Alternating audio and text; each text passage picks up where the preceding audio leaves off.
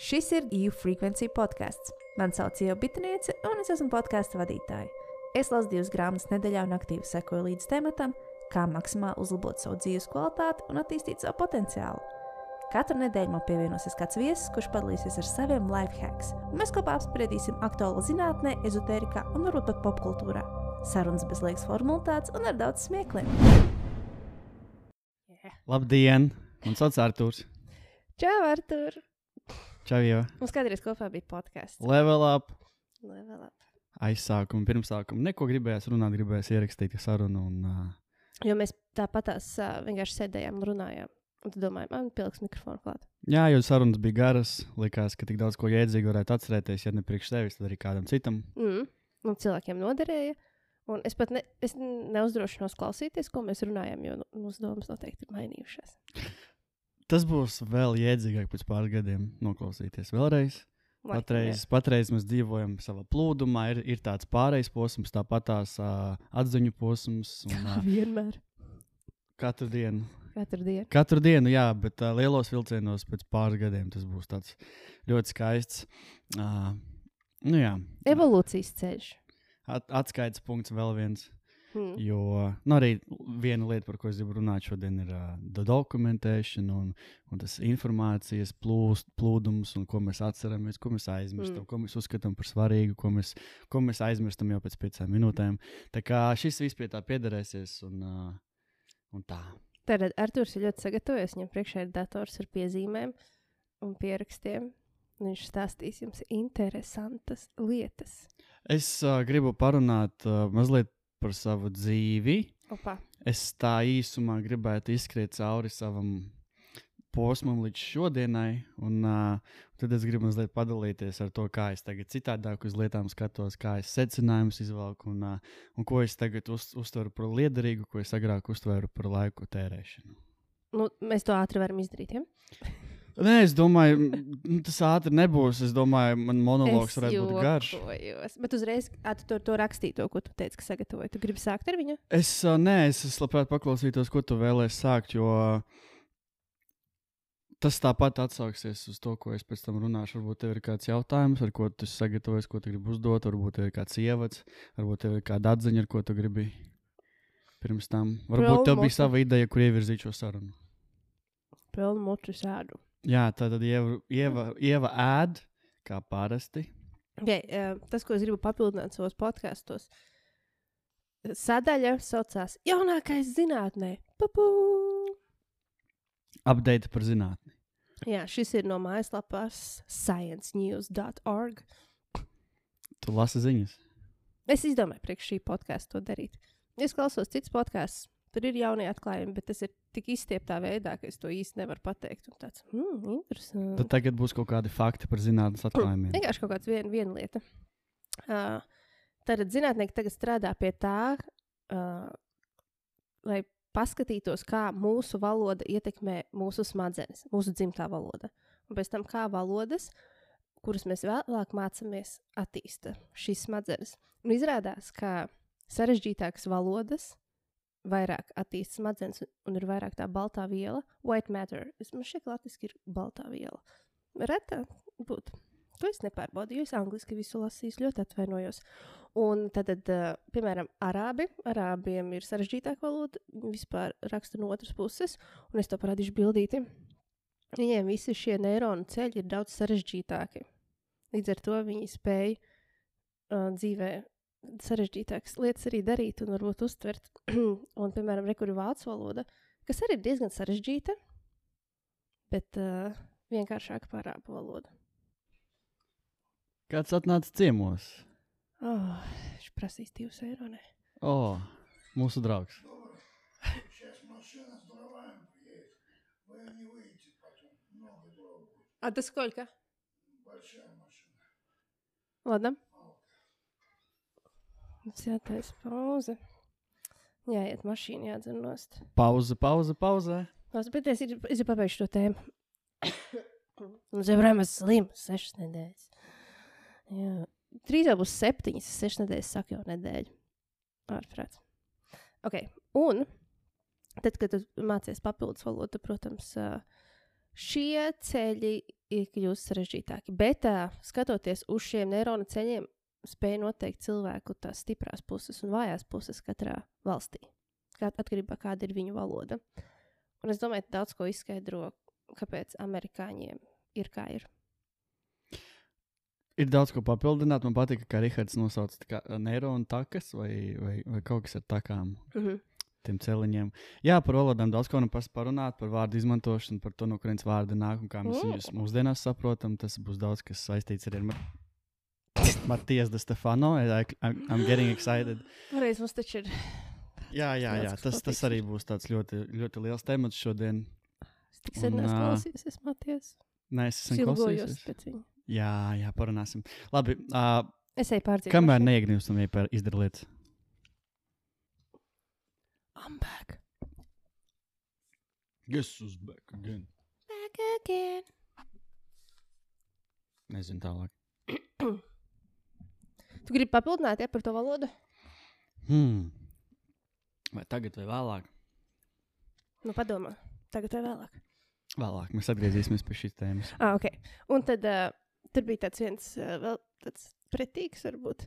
Man liekas, tas ir vēl pretīgs atklājums par uh, cilvēkiem pirms homo sapiens. Šie cilvēki savā uzturā lietoja gaļu, sapuvušu gaļu. Viņiem likās, ka tur ir vairāk uh, šīs uzturvielas un vieglāk sakošļājums. Interesanti fakti. Man man tas li- man slikti. Bet, kad tas esat bijis ok, un viņi ir bijuši stipri, it kā. Man liekas, neticu, ka viņi dzīvo ilgāk par 20 gadiem vai 25. Pirms homo sapiensiem. No tās paši homo sapiens pirmsākumi. Un bija kaut kādas ciltis vēl pirms uh, 120 gadiem, kas to darīja. Nu, ir tās ciltis, kas, nezinu, kas ir pasaulē apkārt. Viņi dzīvo joprojām, kā dzīvoja kādreiz. Jā, tā kā ir tas vairāk video YouTube, kur cilvēki vienā ciematiņā kaut kur ļoti re remote place, uh, joprojām staigā uz četrām uz rokām un kājām. Nopietni, to Jā. gan es nezinu. Ir tāds video, rīktīgs mīmīms, bet nu, izstāsta leģitīvi, nezinu, vai tas ir. Viņam pilnīgi ķermenis ir atrofējies, viņi nevar piecelties divās kājās. Nu, es nebrīnos, pasaule ir tik milzīga. Mums liekas, ka mēs visi esam redzējuši, bet, nu, šaubos. Nu jā, bet parunāsim šodien mazliet par uh, aktuālākām lietām, kas ir interesanti fakti. Un, uh, tas ir interesanti apskatīties, kā, kā mēs nonākam pie kaut kādiem secinājumiem. Jo es arī pieņemsim, tēma, par ko mēs šodien daudz runāsim, būs Celestīnas profesija grāmata, slavenā. Wow, tas ir šokā. Jā, Ja kāds ir klausījies mūsu iepriekšējos podkāstos, tā ir vienīgā lieta, par ko mēs runājam. Un, uh, tas, kā mēs skatāmies uz lietām, un tajā grāmatā ir skaisti aprakstīts, ka uh, vēsture nav īsti faktu apkopojums par gadsimtiem un par kariem, kas ir noticis, bet tā ir arī zinātne par to, kā attīstās cilvēka domāšana un ka skatījums uz lietām, kā viņš. Kā mēs esam nonākuši līdz tam, ka mums ir 9 to 5 job, ka mums ir rīts, mums ir dienas, mums ir vakars, mums ir uh, uh, hard work days, mums ir cheat days, mums ir jādomā par īri. Un Agrāk bija citas problēmas, un tā mentalitāte bija citādāka. Agrāk, pieņemsim, nebija brīvdienas. Ja tu, te, tev ir jāstrādā līdz dzīvot, tev ir jānopelnē ēdienas līdz dzīvot. Tagad mums ir brīvdienu koncepts, mums ir atvaļinājuma koncepts, kas agrāk pieņemsim, viduslaikos, nu, nekādos atvaļinājumos viņi nebrauc. Viņi pamodās savā fermā un viņi audzē savus kartupeļus. Tāpēc ir. Uh, Jā, ir interesanti apskatīties uh, no pirmsākumiem, kā agrāk cilvēki izmantoja vienu vārdu, kā viņi izmantoja pārtiku, kā viņi izmantoja grāmatas, kā viņi rakstīja un kā tas ir attīstījies līdz mūsdienām. Tāpēc, uh, lai līdz tam visam nonāktu, es vispirms gribētu mazliet iepazīstināt ar sevi un savu. Atcerieties, ka es gribu kaut ko pateikt. Ja? Jā, Es atvainojos. Es gribēju papildināt par to, ka es tieši skatījos vienu seriālu, un tur bija tā kā vēstures stunda. un Man uzķēra tas fakts, ka vēsturi raksta uzvarētāji. jā un uh, nu, mazliet. Bet tas man ļoti- daudz piekrāsot. Es, es it kā to zināju, bet tagad es šoreiz, man šķiet, ka vakar to dzirdēju, bija uzsprāga smadzenes.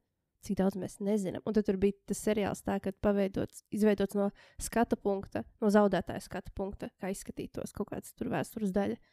Nu, baigi mind blowing. Jā, tas Uzreiz ir citas vērtības. Es, man mazāk uh, gribējās uzticēties kaut kādiem vispasaules faktiem. Mm. Tie tas ir vadlīnijas, tu apmēram saproti, dzirdi kaut ko. Atvainojos, mēs te ēdam un dzeram paralēli kaut kādā ža- nāks. Un puņķojamies.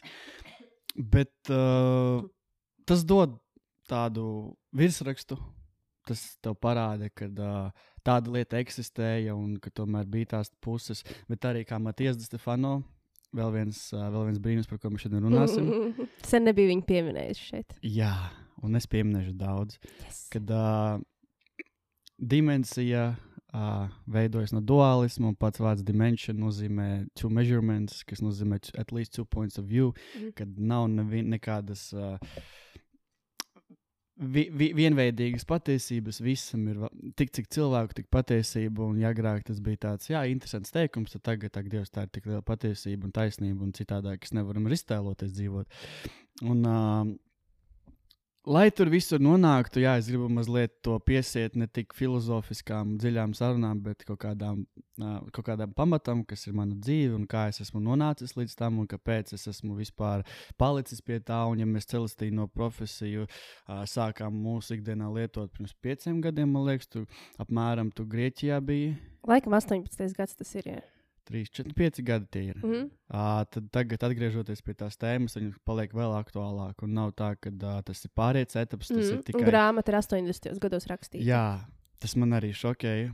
Bet uh, tā kā viņa rakstīta, tad ir diezgan. Nu, tas viss nav jauns koncepts. Viss, vis, par ko mēs runājam, tas arī piramīdu laikos, pirms Jēzus Kristus laikos, tas viss bija jau izzināts, izpētīts, un ļoti daudz cilvēku dzīvoja pēc citādiem, citādiem formulējumiem. Tomēr, tomēr kaut kāda pasaules daļa tevi kontrolē, kaut kāda pasaules daļa veido savus likumus, noteikumus, pēc kā mēs ar laiku esam pieraduši un nezinām, kā ir citādāk. Un tad, nu, šis ir mans stāsts, kā es atcerējos un kā es ieraudzīju citādāk. Let's go. Um, īsumā līdz 18 gadu vecumam vienkārši gribu sevi raksturot kā pilnīgu introvertu un cilvēku, kurš sēž mājās, kuram nav nekādas intereses. un Tas ir tas, kā mēs aprakstām pelēko masu. Es nezināju, ko nozīmē apzināti domāt. Man bija skola, man bija tautas dejas, kas bija mans pienākums, mammas un sociāli izvirzīts pienākums. Mans brīvais laiks bija datorspēles. Arī pie ekstrasenses aizgāja nesen, un uh, viņa man stāstīja, ka no mātes un tēva puses es neesmu saņēmis nekādu audzināšanu. Mana ģimene bija mans dators, no kā es sākotnēji uh, daudz tērēju laiku. Tagad, skatoties un iz, izdarot visam, par ko mēs runāsim, es pamanīju, ka uh, dators man uh, palīdzēja. Man bija hiperaktīvas smadzenes, man viņas vajadzēja kaut kādā veidā nomierināt. Un, uh, es, es man bija rīktīgi stēta viļņi. Es visu laiku varēju lēkāt no vienas idejas uz citu ideju, no vienas spēles uz citu spēli, un es nevarēju nosēdēt mierā. Un uh, dators man palīdzēja pieslēgties pie vienas domas un būt vienā flowā, kas man ļoti patika, un es varēju 12 stundas spēlēt. Un arī daudz cilvēku teica, ka tas ir tāds milzīgs veids. Tad es teiktu, ka tas teiksim, minimālākais es esmu angļu valodu iemācījies no datorspēlēm. Un es esmu iemācījies tādu konceptu kā quality of life items, quality of life things. Uh, es esmu iemācījies produktivitāti, es zinu, ko, kā es varu grindot, pieņemsim kaut kādas primitīvas lietas vai arī sarežģītākas lietas, un es varu nonākt pie tā rezultāta, ja man ir motivācija. Tā kā problēma nav darīšanā, problēma ir saprašanā, ko es gribu darīt, kā es gribu darīt, kāpēc gribu darīt. Bet līdz 18 gadu vecumam es dzīvoju principā skola, dators un tautas. Uh, Māma man ko lika, to es darīju. Bija paklausīgs, nebija rebels. Līdz es atnācu un es ieraudzīju, un es sadzirdēju par kaut kādu 30 sekundžu garu video, ievu šī paša divāna, uz kuras sēžu. Nu, viņš bija turpat, bet tas jau ir cits Ne, šis ir cits divs. Cits divāns, bet uh, ieva stāsta nāca pie manis dejot. Man uh, bija klasē. Tā bija gimnāzija, es biju laikam 11. vai 12. klasē. Man uh, klases biedrene dejoja pie ievas. Un Es tā domāju, taču es krustu dejošanos, jau 12 gadus tautas dejas dejoju, man jāiet tur kā kaut kas jāpamēģina. Nezinu, neredzēju nevienu video, nevienu deju, tīri ievas smaids un viņas entuziasms. Tad nāc pamēģināt. Uzreiz uz uh, izlases grupu. Atvainojos, atraudziņa. Uzreiz uz izlases grupu. Uh, un tad, lai pārāk dziļi neiegrimtu šajā visā, mainījās dzīves izpausmes, uztveres un uh, realitātes apzināšanās. Un uh, Ieva mācīja uh, pateikt, parādīt, uh, pasmieties, izdarīt tā, ka tu uzdod jautājumu, kāpēc, no kurienes. Un tu vienkārši sāc uzdot jautājumus. Es līdz tam neuzdevu jautājumus. un Bija tāds, wow, ir iekšējā saruna. Man, man, man kaut kas nepatīk, un es drīkstu atteikties to darīt. Man kaut kas patīk, es drīkstu pateikt to. Tas bija ļoti, lo- ļoti, ļoti jauns piedzīvojums.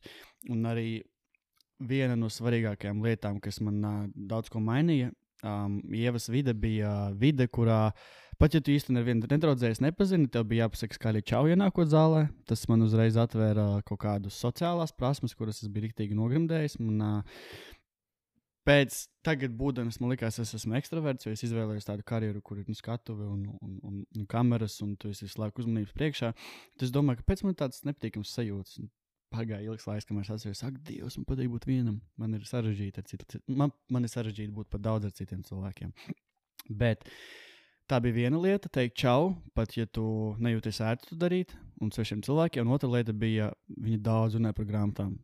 Tu visu laiku runāji par tām grāmatām, un es skolā nelasīju, man riebās lasīt, man nebija interesanti lasīt, un es nebiju nevienu grāmatu ar interesi. Un tas ir atvēris. kaut kāds 14. gads. Tas ir, tas ir sen. Jā, Tie ir desmit. Gandrīz desmit gadi Gandrīz desmit gadi atpakaļ. Ārprāt. Jā, man bija, man bija 18, tagad man ir 26. Kad es atnācu ar Ievu iepazinos. Es biju viņas Man nē, tad tie nav 10 gadi, tie ir 8. 26, jā, 17. Ah, nu, uz septembris, jo septembrī paliks. palika. Bet es atnācu, jā, labi, es neatceros tik precīzi. Tas bija viens no maniem jautājumiem, kad es atnācu. Bet, uh, Man šeit ir 14 nu, vai 13. Man šeit tev bija 18. Jo mums bija dzimšanas dienas, gandrīz līdzīgās dienās. jā, Tev palika 18, un man palika, es nezinu, cik. tev piektajā? Jā. O, tas arī ir interesants fakts. Pie, pie šiem cipriem mēs atgriezīsimies. Ie- Mēs, es, Ieva un Ievas mamma un Anna, mēs esam visi jaunavas. Uh, Ieva ir 5. septembrī. Man Ievas- brālis arī vēl. Vecākais ir 1. septembris. Ārprāt. Ievas mamma ir 9. septembris. Un es esmu 9. Mm. Septembris, kas ir tāds, wow, kāda iespēja. Pie devītnieka mēs atgriezīsimies. Okay. Bet, uh, jā, ne visi lasa grāmatas. Es nelasu grāmatas. Es jūtos tik slikti. Es gribu iedarēties starp šiem cilvēkiem. Viņi dejo, viņi dara, viņi smaida, viņi priecājās, kaut kas viņos ir. Bet viņi visi lasa, es nelasu. Mm. Ap 18 gadu vecumu tas bija tas posms, kad es paņēmu savu grāmatu pirmo rokās. Pirmais bija krustāvs, gāja lasīju. Iegrimu, iepazinu.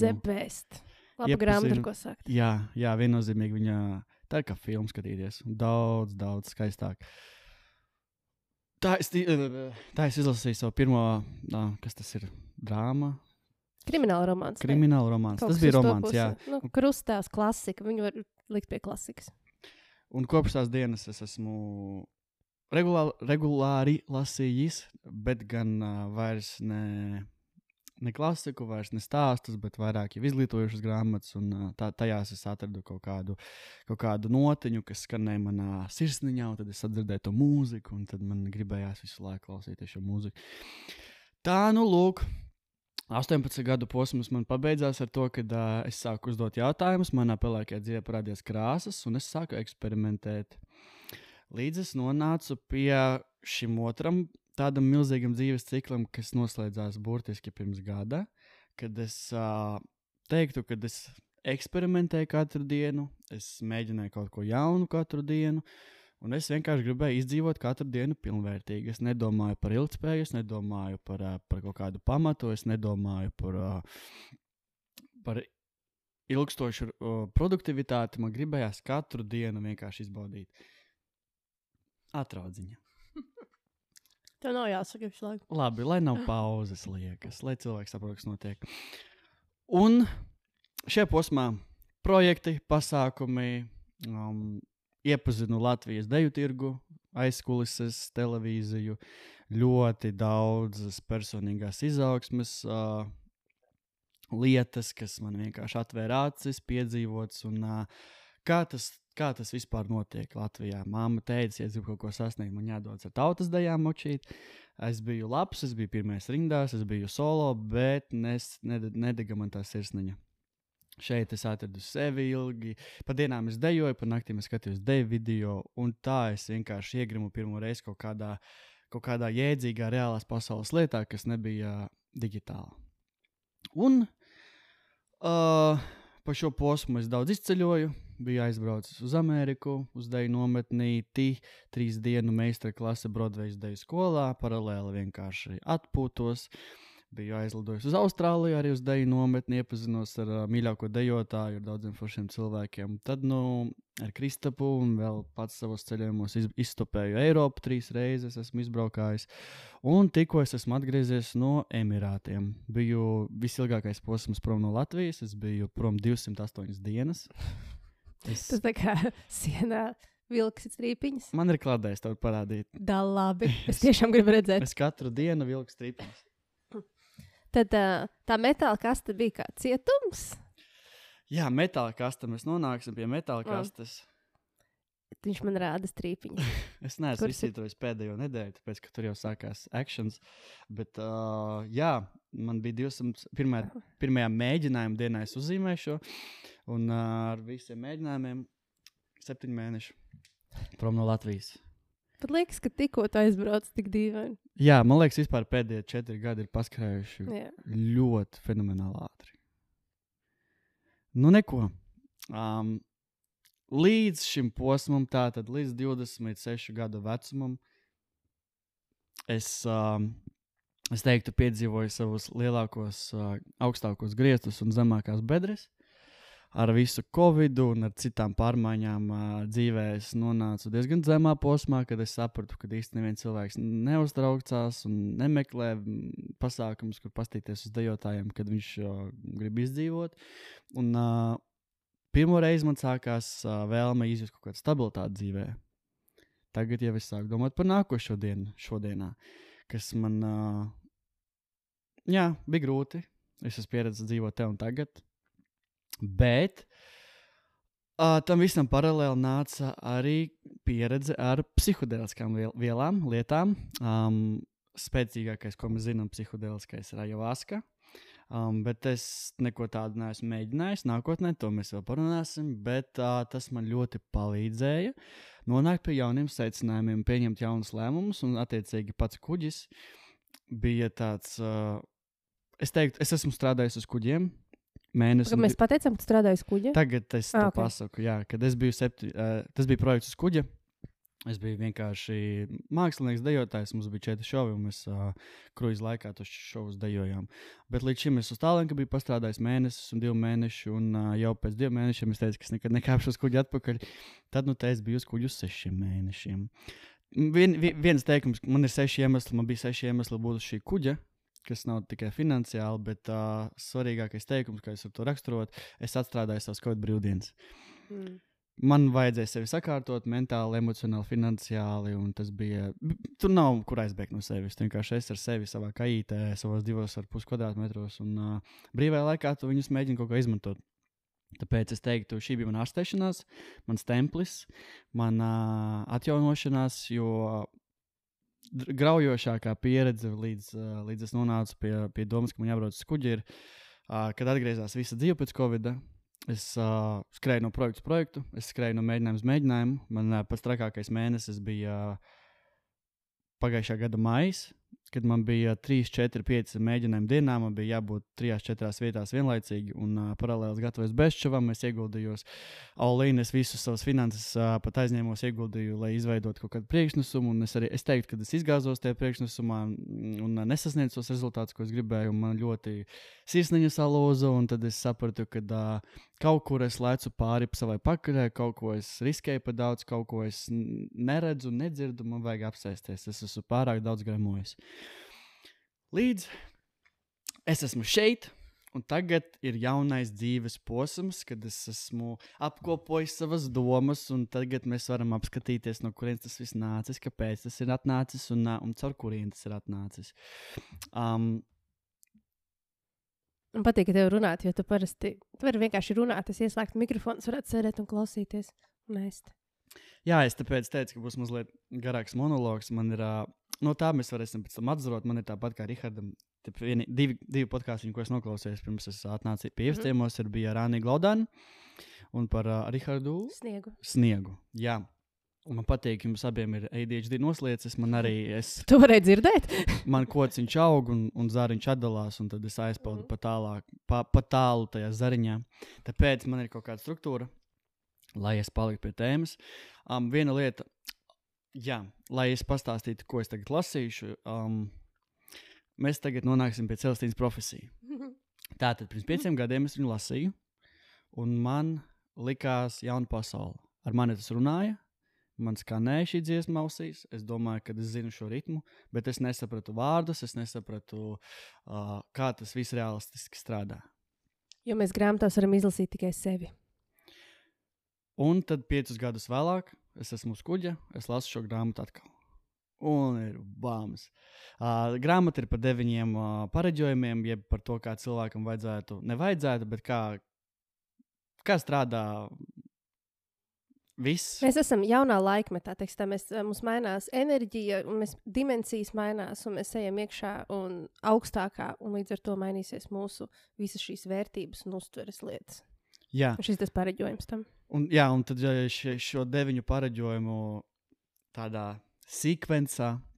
Galvenais varonis iziet cauri uh, fiziskām uh, pieredzēm dzīvē, kur viņš at, katru, katru posmu, katru soli, katru pakāpienu atrod kaut kādu cilvēku, kas viņam atnes jaunu informācijas gabaliņu, un tad viņš to gabaliņu liek lielā un lielā, lielā bildītē, līdz viņš saprot, ka kā viņš ir, uh, nu, kā, kā viss strādā. Visvienkāršākais veids. Un uh, pirmais, kas man atvēra acis, bija otrais pareģojums, kad uh, runa bija par uh, tūkstošgadi. Mhm. Kad pieņemsim, mēs piedzimstam tūkstošajā gadā, un kad tagad mums ir mūsu dzīves laikā noslēgusies, otra tūkstošgada pēc Kristus dzimšanas, kad mēs varam uz to visu tūkstošu gadiem paskatīties tādu garāku stāstu, kas ir noticis, kā mēs esam izgājuši cauri un kāpēc mēs tagad domājam, kā mēs domājam. Īsumā mēs vienkārši mm, arī negribu iegrimt pārāk dziļi, lasīt grāmatu, uh, bet mazais spoilers. Ja mēs tagad piedzimstam tūkstošajā gadā, mēs piedzimstam vai nu fermeru latviešu. Mm, Šeit ir fermeri, ne? Jā. Lauku. Lauk, lauku ģimenē mēs piedzimstam savā lauksaimniecībā, kur mums ir savas dārziņas. Ferma ir latviešu tāds vārds. Ā, Laikam, jā. Mhm. Lauki, ferma. ferma. Um, vai nu mēs piedzimstam Mājasēmniecība. Es, es nezinu. Mm, Sapratām. Mhm. Aristokrāta ģimenē. Un tad, uh, tas, kā, tas, kurā vidē tu piedzimsti, arī ap, aprakstīs tos tavus noteikumus, ko tu drīkst, ko tu nedrīkst. Un mums ir jāsaprot, ka viņiem nav tādas uh, geoloģijas, viņiem nav laikapstākļu prognozes. Viss, kas notiek tavā dzīvē, kas ir lietus, kas ir uh, kartupeļu auga vai neauga, kas ir uh, tevi apzog vai tavu ģimenes locekli. No, no, nogalina vai tev kāds nomirst no vecuma, tas viss ir dieva griba. Un, uh, vai nu Dievs dara labu, vai nu Dievs dara sliktu, bet viņš dara priekš tevis. Un uh, šos uh, reliģiskos rakstus katrs cilvēks nevar pats izlasīt, kā mums tagad ir Bībele, bet tas viss tiek pasniegts ar, uh, ar trešajām personām, kas ir baznīcas cilvēciņi. Viņiem ir visi manuskripti, jeb uh, visas vecie, vecie apraksti par, uh, par to, kā ir pareizi, kā ir nepareizi. Un Tad šie cilvēki skaidro, lai, lai tu būtu labs Dievu. Dieva acīs tev ir jādzīvo šādi, tev jādara, jārunā šādi, tev jādara šādi. Līdz kaut kādam 1500 gadam, 500 gadus mēs šādi dzīvojām, un parādījās pirmās tādas aizdomīgas situācijas, ka tie paši cilvēki, kas saka, kā drīkst darīt, kā nedrīkst darīt, viņi pievēr acis uz to, ka kāds politiskāks cilvēks izdara kaut ko mazliet pret šiem noteikumiem, bet viņi neaizrāda. Un ap šo laiku, ap uh, otrās gadsimta vidu, Mārtiņš Luters Kings ar saviem uh, padotajiem, ar savu Nu, tas komandu. nav 1500, tas ir 1950. Nē, ne juniors. Mārtiņš Luters Kings, un de- Ai, tas ir Mārtiņš Luters King Jr. ah, Tas, kuram bija tas Es I have a dream Martin- speech. mm. Jā, Bet tas ir dēls. 1500. gadā bija Mārtiņš Luters Kings. Tik Šo mēs varam pārbaudīt. Vai- Jo Es tas, uzreiz ņemtīšu Google, jo es nezināju šo. jo tas nav Es pat- 1500, bet tas ir aptuveni vidus, kā es šajā grāmatā izlasīju. Mācītājs viņš bija. Ja? Jā, viņš bija kaut kas arī saistīts ar. Nu, 1929. gadā. nav. Ah, ne, Nu. pagaidiet, ne, viņš reiz izmeta junioru, re, kur seniors ir. Jo man liekas, tas ir paudzēs. Tur, tur ir 1899. tāpat dzimšanas gads. pirms ir. tam. No seniors. 1899. gads. Ah, ok, labi, tas nav 1500, tas ir 1800. Ko Es uzrakstīšu, tas sanāk 1516. gadsimts. Ja? Uh, Jo es varbūt tagad mazliet modificēju šo faktu. kā angliski ir gadsimts, pēkšņi aizmirst. Century. Century. 16th century. Viņš vienkārši Mārtiņš Luters, uh, vācu prīsts. Prīsts. Mācīties. Tā, jā, bija tāds, bet viņš nav kings. Viņš ir vienkārši Mārtiņš Luters. Labi. Um, Mm. kāds ar šādu vārdu? Un balts, ļoti balts. Ļoti balts. Devās uz baznīcām pie šiem garīgiem cilvēkiem, kuri tulkoja manuskriptus, kā jādzīvo, kā jā, nav jādzīvo. Un, uh, viņi pieteica, ka uh, mēs nevēlamies, lai starp mums un, uh, un Dievu ir trešais cilvēks. Uh, katram cilvēkam pašam jābūt pieejai pie šiem rakstiem. Tā viņiem izdevās viņus uh, apkarot. Jā, bet cilvēki nemācīja lasīt tajos laikos. Nu, tā bija privilēģija lasīt. Un tā viņa lēnām sāk atgrie... mm. nonākt pie tā, ka nav vairs kaut kāds cilvēks, kurš to kaut ko mācīs, bet tagad man pašam tas Jā, pašam jāmāc. tagad jāmācās. Okay. Un, tas vienlaicīgi atbrīvoja cilvēkus, ieslodzīja viņus, jo līdz Mm. šim viņam kaut ko viņiem teica, ko viņam darīt. Viņi arī kā aitiņa sekoja tam, tagad viņiem pašiem ir jāsaprot. Un, uh, cilvēki, kas ir paudžu paudzēs nodzīvojuši 500, 600, 700 gadus ar šādiem noteikumiem, un pēkšņi viņiem pasaka, ka tas viss ir. Nu, Nepatiesi, nu, ir diezgan liela realitātes uh, trauma. Tu nezini, kam sekot, kam, kam ticēt, kā dzīvot, ko darīt, kāpēc darīt. Un uh, šajā, šajā laika posmā mazliet aktualizējās zinātniskā metode. Mēs vienkārši uzdosim daudzus jautājumus, un, ja viņi visi būs patiesi, mēs dalīsimies ar šo informāciju ar citiem. Ja arī viņi piekritīs, tad tā ir patiesība. Tā tad tas strādā. Un tas viss ir bijis ļoti, ļoti liederīgi, ļoti vērtīgi, lai izpētītu fiziskas uh, materiālas lietas. Pasauli apkārt mums, koku, laikapstākļus, lopkopību, vienalga. Un uh, cilvēki ar šādu domu pateica, nu, lai rekur tā tad, ja mums ir šāda metode, paņemsim gudrāko cilvēku no katras jomas, saliksim viņus kopā, sūtīsim viņus uz kosmosu, lai viņi at- atnes mums tās atbildes. Kamēr uh, izrādījās, ka šis nebija tik ātri piepildāms uzdevums, tie paši cilvēki, kas uh, gaidīja atbildes un nesaņēma viņus uzreiz, viņi pateica, nu labi, ja jau mēs nesaņemam tagad atbildes, mēs nezinām, kāpēc mēs dzīvojam, mums ir vismaz jādzīvo tagad jēdzīgāk. Mm. Mēs strādāsim pie komforta, mēs strādāsim pie attīstības, mēs strādāsim pie siltuma, pie ērtuma. Un tā arī pēdējo pusi, rupi, rupi sakot, pēdējo pusi tūkstošgadus mēs esam pievērsušies realistiskām ikdienišķām lietām. Mēs esam pavisam aizmirsuši to jautājumu, priekš kam, kāpēc, no kurienes. Mm. Un uh, reliģija, protams, turpina attīstīties, nenoliedz viņu pavisam, uh, baznīcas nenojauca, tempļi palikuši. Kaut kas ir izdzīvojis, bet uh, ap šo tūkstošgadi, ap 2000. gada sākumu, tad ir noticis tas atmošanās posms, kad pietiekami daudz cilvēku visā pasaulē. Mēs esam pārāk lielā komfortā, un tas jau nāk par sliktu mums. Tas nāk par sliktu mums, un mēs visi sāk, lielā, liela daļa sāk uzdot to jautājumu vēlreiz, no kurienes, kāpēc, priekš kam. Kas arī, ja pietiekami daudz cilvēku uzdod šo jautājumu, kā mēs jau iepriekš zinām, jau noteikti ir iz, izglītojusi pietiekami labi savus klausītājus, tad mēs Hmm. esam lieli magnētiņi, kas pievāk informāciju. Mūsu čakras ir lielāki magnētiskie lauki. Mūsu ķermenī, kas, ja viņi ir aktivizēti, tad mēs varam nu, apzināti to visu posmu pātrināt. Tad nu, tagad daudz cilvēku uzdod šos jautājumus, un tā pie mums informācija atnāk. Tad nu, šis viss tāds man likās fenomenāls. Protams, tas nav faktisks stāsts, tas ir vairāk tāds uh, stāstāms stāsts, bet mm. -hmm. viņam liekas ļoti tāda jēdzīga pamatne.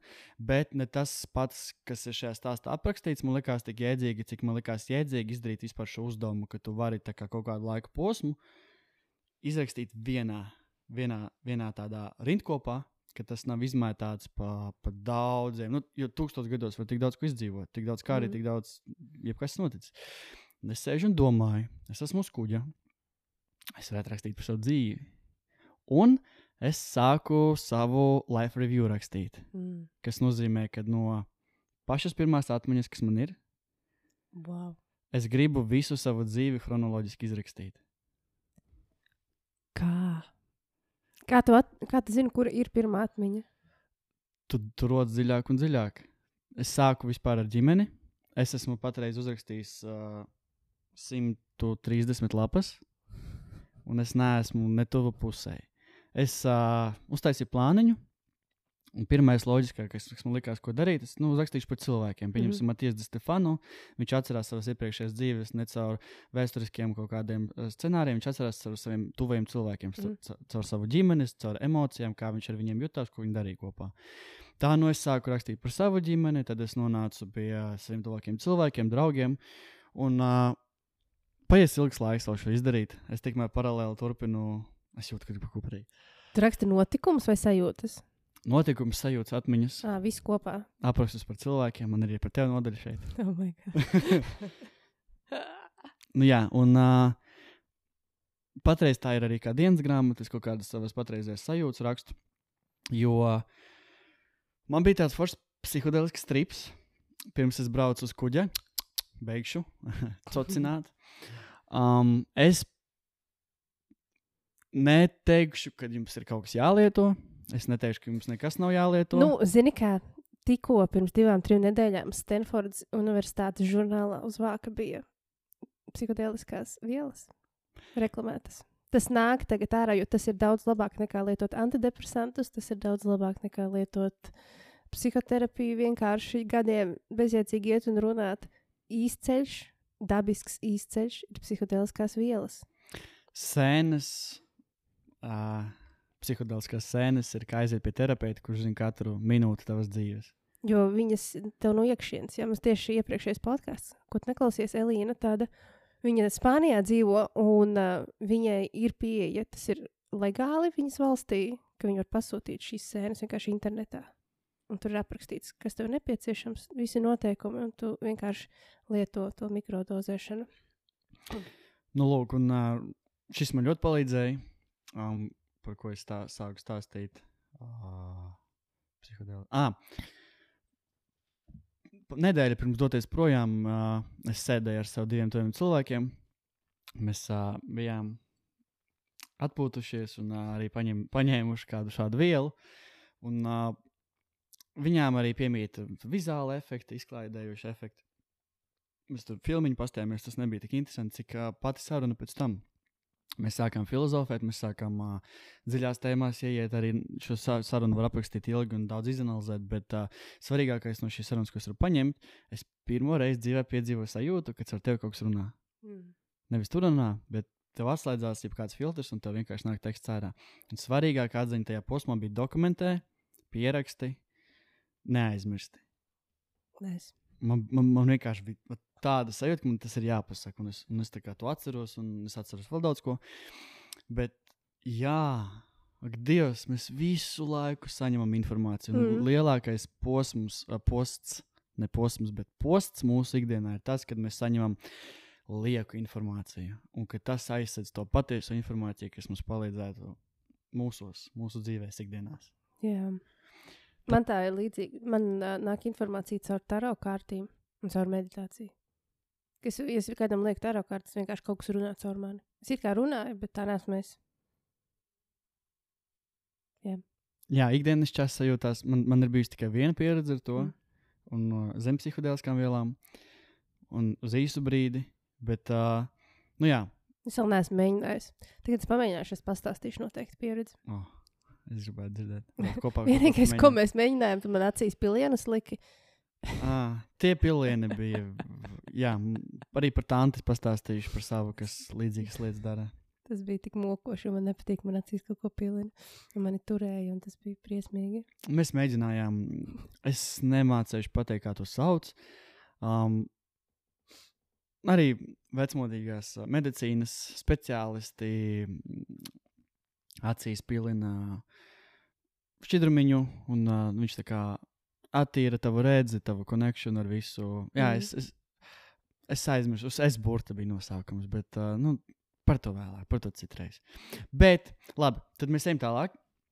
Tā tad uh, Celestīnas profesija, Mhm. tūkstoš gadu stāsts. Ar to saprotu ļoti interesanti. Es arī gribu aprakstīt savu dzīvi vienā garā stāstā, kas no tā iznāks ārā. Um, pirms tam maz atkāpīta no tā, ko es pierakstīju par ievu. Mikrofons kustinu, sorry. Um, Ievas piemērs un gudrības, ar kurām viņi dalījās paralēli mēģinājumiem un treniņiem, man iedvesmoja sākt eksperimentēt, meklēt sevi, uzdot sev jautājumus, sarunāties ar sevi. Ja līdz šim, līdz 18 gadu vecumam, jutos kā marionete, kuram pavilksies triķīšu tur iešu, tad tagad beidzot sāku mosties, pamanīt lietas, saprast, kas man patīk, kas man nepatīk, ko gribu, ko negribu. Tad arī lēnām man sāka vērties vaļā kreatīvās izpausmes. Vienu dienu nolēmu, ka vēlos savā istabā, es joprojām tajā brīdī dzīvoju vēl ar savu ģimeni, um, nokrāsot melnas sienas. Lai man ir milzīga kanvas, kuras zīmēt, kad ar balto, uh, baltu baloniņu sāku puszīmējumu. Ļoti slikta doma to mājās dzīvokli darīt. Bet man gribējās. Uh, šis mākslas darbs neattīstījās ilgi, jo salīdzinoši ātri pēc tā izvācos un devos dzīvot pie Edgara Zolītūda. Edgars arī mans uh, um, ļoti tuvs cilvēks, uh, pie Ieva studijā iepazinos. Viņš man uh, bija jā, arī, kā sauc, hosts, hosts kas ievada šajā pasaulē, gids. Mentors. Mento, ma, ma, jā, mentors, kas ļoti ātri pārtapa par, tuvāko draugu. Mhm. Um, mammai šis ļoti nepatika, nokrāsotās sienas. Viņa domāja, ka man kaut kas ir sabēris uh, muļķības galvā. Ieva, uh, viņa vēlējās doties uz studiju un aprunāties ar Ievu par to, kas ar mani notiek, un vest mani pie psihiatra. Ja Arthurs vienmēr bija paklausīgs, tad tagad viņš sācis darīt kaut kādas muļķības. Es sapratu, kāpēc viņai bija bail. Tomēr tas bija ļoti svarīgs posms, lai es iemācītos būt ar sevi, izpausties un pieredzēt. Esmu ļoti pateicīgs, ka māma nestāvēja man pretī, neviens no manas ģimenes ne- nestāvēja man pretī, un vienmēr jutos, ka drīkstu darīt un mēģināt. Atceros arī milzīgu diskomfortu, kā sāk klausīties mūziku publiskajā transporta austiņās. Man bija bail, ko par mani padomās cilvēki. Man, man, man reāli bija uztraukums, ka viņi dzirdēs, kas man skanēs austiņās blakus, un viņi man aizrādīs par to. Man bija tik liela sociālā fobija. Um, Riskēju pat druskuļiem, kā pārā no saviem kaut kādiem rāmjiem. Un ik pēc sešiem mēnešiem man mainījās apģērba gauma. Ļoti daudz uh, novēroju, kā cits slavenie devietē ģērbis, paņem, paņem panāma cepurītes, termobikses ar šortiem un oversize drēbes. Un uh, tad, nu, pie šī tā mēs arī atgriezīsimies. Te, vi- te bildosies, tā bildosies viss tās, un pēc tam puf, puf, puf, šaušu ārā. Tik daudz cilvēku ir teikuši, ka es skaloju smadzenes jauniešiem. Es ļoti labi varu iztēloties, kā tev ir tādām dramām jādīlo. Tagad vairs nē. Tagad, vairs, tagad tas ir normāli, kad tu runā par izaugsmi. Kādreiz tas nebija normāli. Kādreiz tas bija "Ā, sātans. Jā, jā, manā mamma tiešām uztraucās par mani. Jo, nu, ja tu, ja tu sāc mosties, un ja tu sāc uh, dzīvi redzēt pavisam citādāk, nu, cilvēki nav pieraduši pie tā. Ja, Un īpaši to iet cauri uh, nērtiem posmiem. Ka tu pats nesaproti, kas Jā. ar tevi notiek. un Kur tavas- no citas? Tavas izvēles, tas viss liekas, nu jā, pilnīgi. Nu, puika sēž pie datora visu dienu, Mm. viņa nekas neuztra- neuztrauc. Dažreiz smilškastē paspēlēs pēkšņi, viņš krāso melnas sienas, viņš tur ēmo, viņš gods viņam. Un tu maz mājās biji diezgan. Es visu laiku biju projām, jā. Um, līdz nākošā atkop, atkāpīta, tagad, uh, ko es lasu, arī saistīta ar projektu, ko es rakstīju par Ievu savā live review. Um, um, šo stāstu arī Ieva zina, un mēs esam par to runājuši. Um, kādu dienu bija devies uz kofeīnu pretī galerijas centra tirdzniecības veikalam ar savu krustēvu grāmatu. Paņēmu savu kafiju, apsēdos vienā lielā divānā un sāku lasīt. Dziļi iekšēji apzinājos, ka šajā posmā vēlējos vismaz kaut kādu kontaktu ar sociālo dzīvi, gribēju, lai ar mani notiek kaut kas neikdienišķs. Tas bija laiks, kad sēdēju pie datora, man nebija baigās ikdienas, man nebija draugu. Kafejnīcā ienāca vienkārši ģērbs, pavecāks vīrietis ar mugursomu pāri vienam plecam, izmeta riņķi cauri vecajai kafejnīcai, tagad jau viņa ir atjaunot citādāks dizains, un pienāca pie manis. Pajautāja, vai nevar apsēsties pie mana galda. Viņš runā angliski, pamāja piekrītoši. Viņš sāk sarunu. Daudz ko neatceros, bet viņš stāstīja, ka braukājot apkārt pasaulē, īpaši viņam patīkot Baltijas valstis, ir bijis cietumos un norobežotākās pasaules malās. Viņš redz cilvēkus kā mākonīšus, un ja kādā mākonītī ir kaut kas tumšs, viņš dodas un veido ar viņiem sarunu.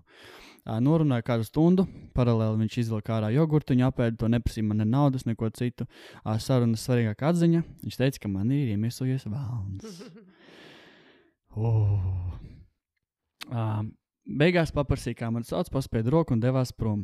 Es neaizdomājos pajautāt viņa vārdu vai kā viņu atrast. Nekad šo cilvēku vairs neesmu redzējis, nemaz neatceros, kā viņš izskatījās.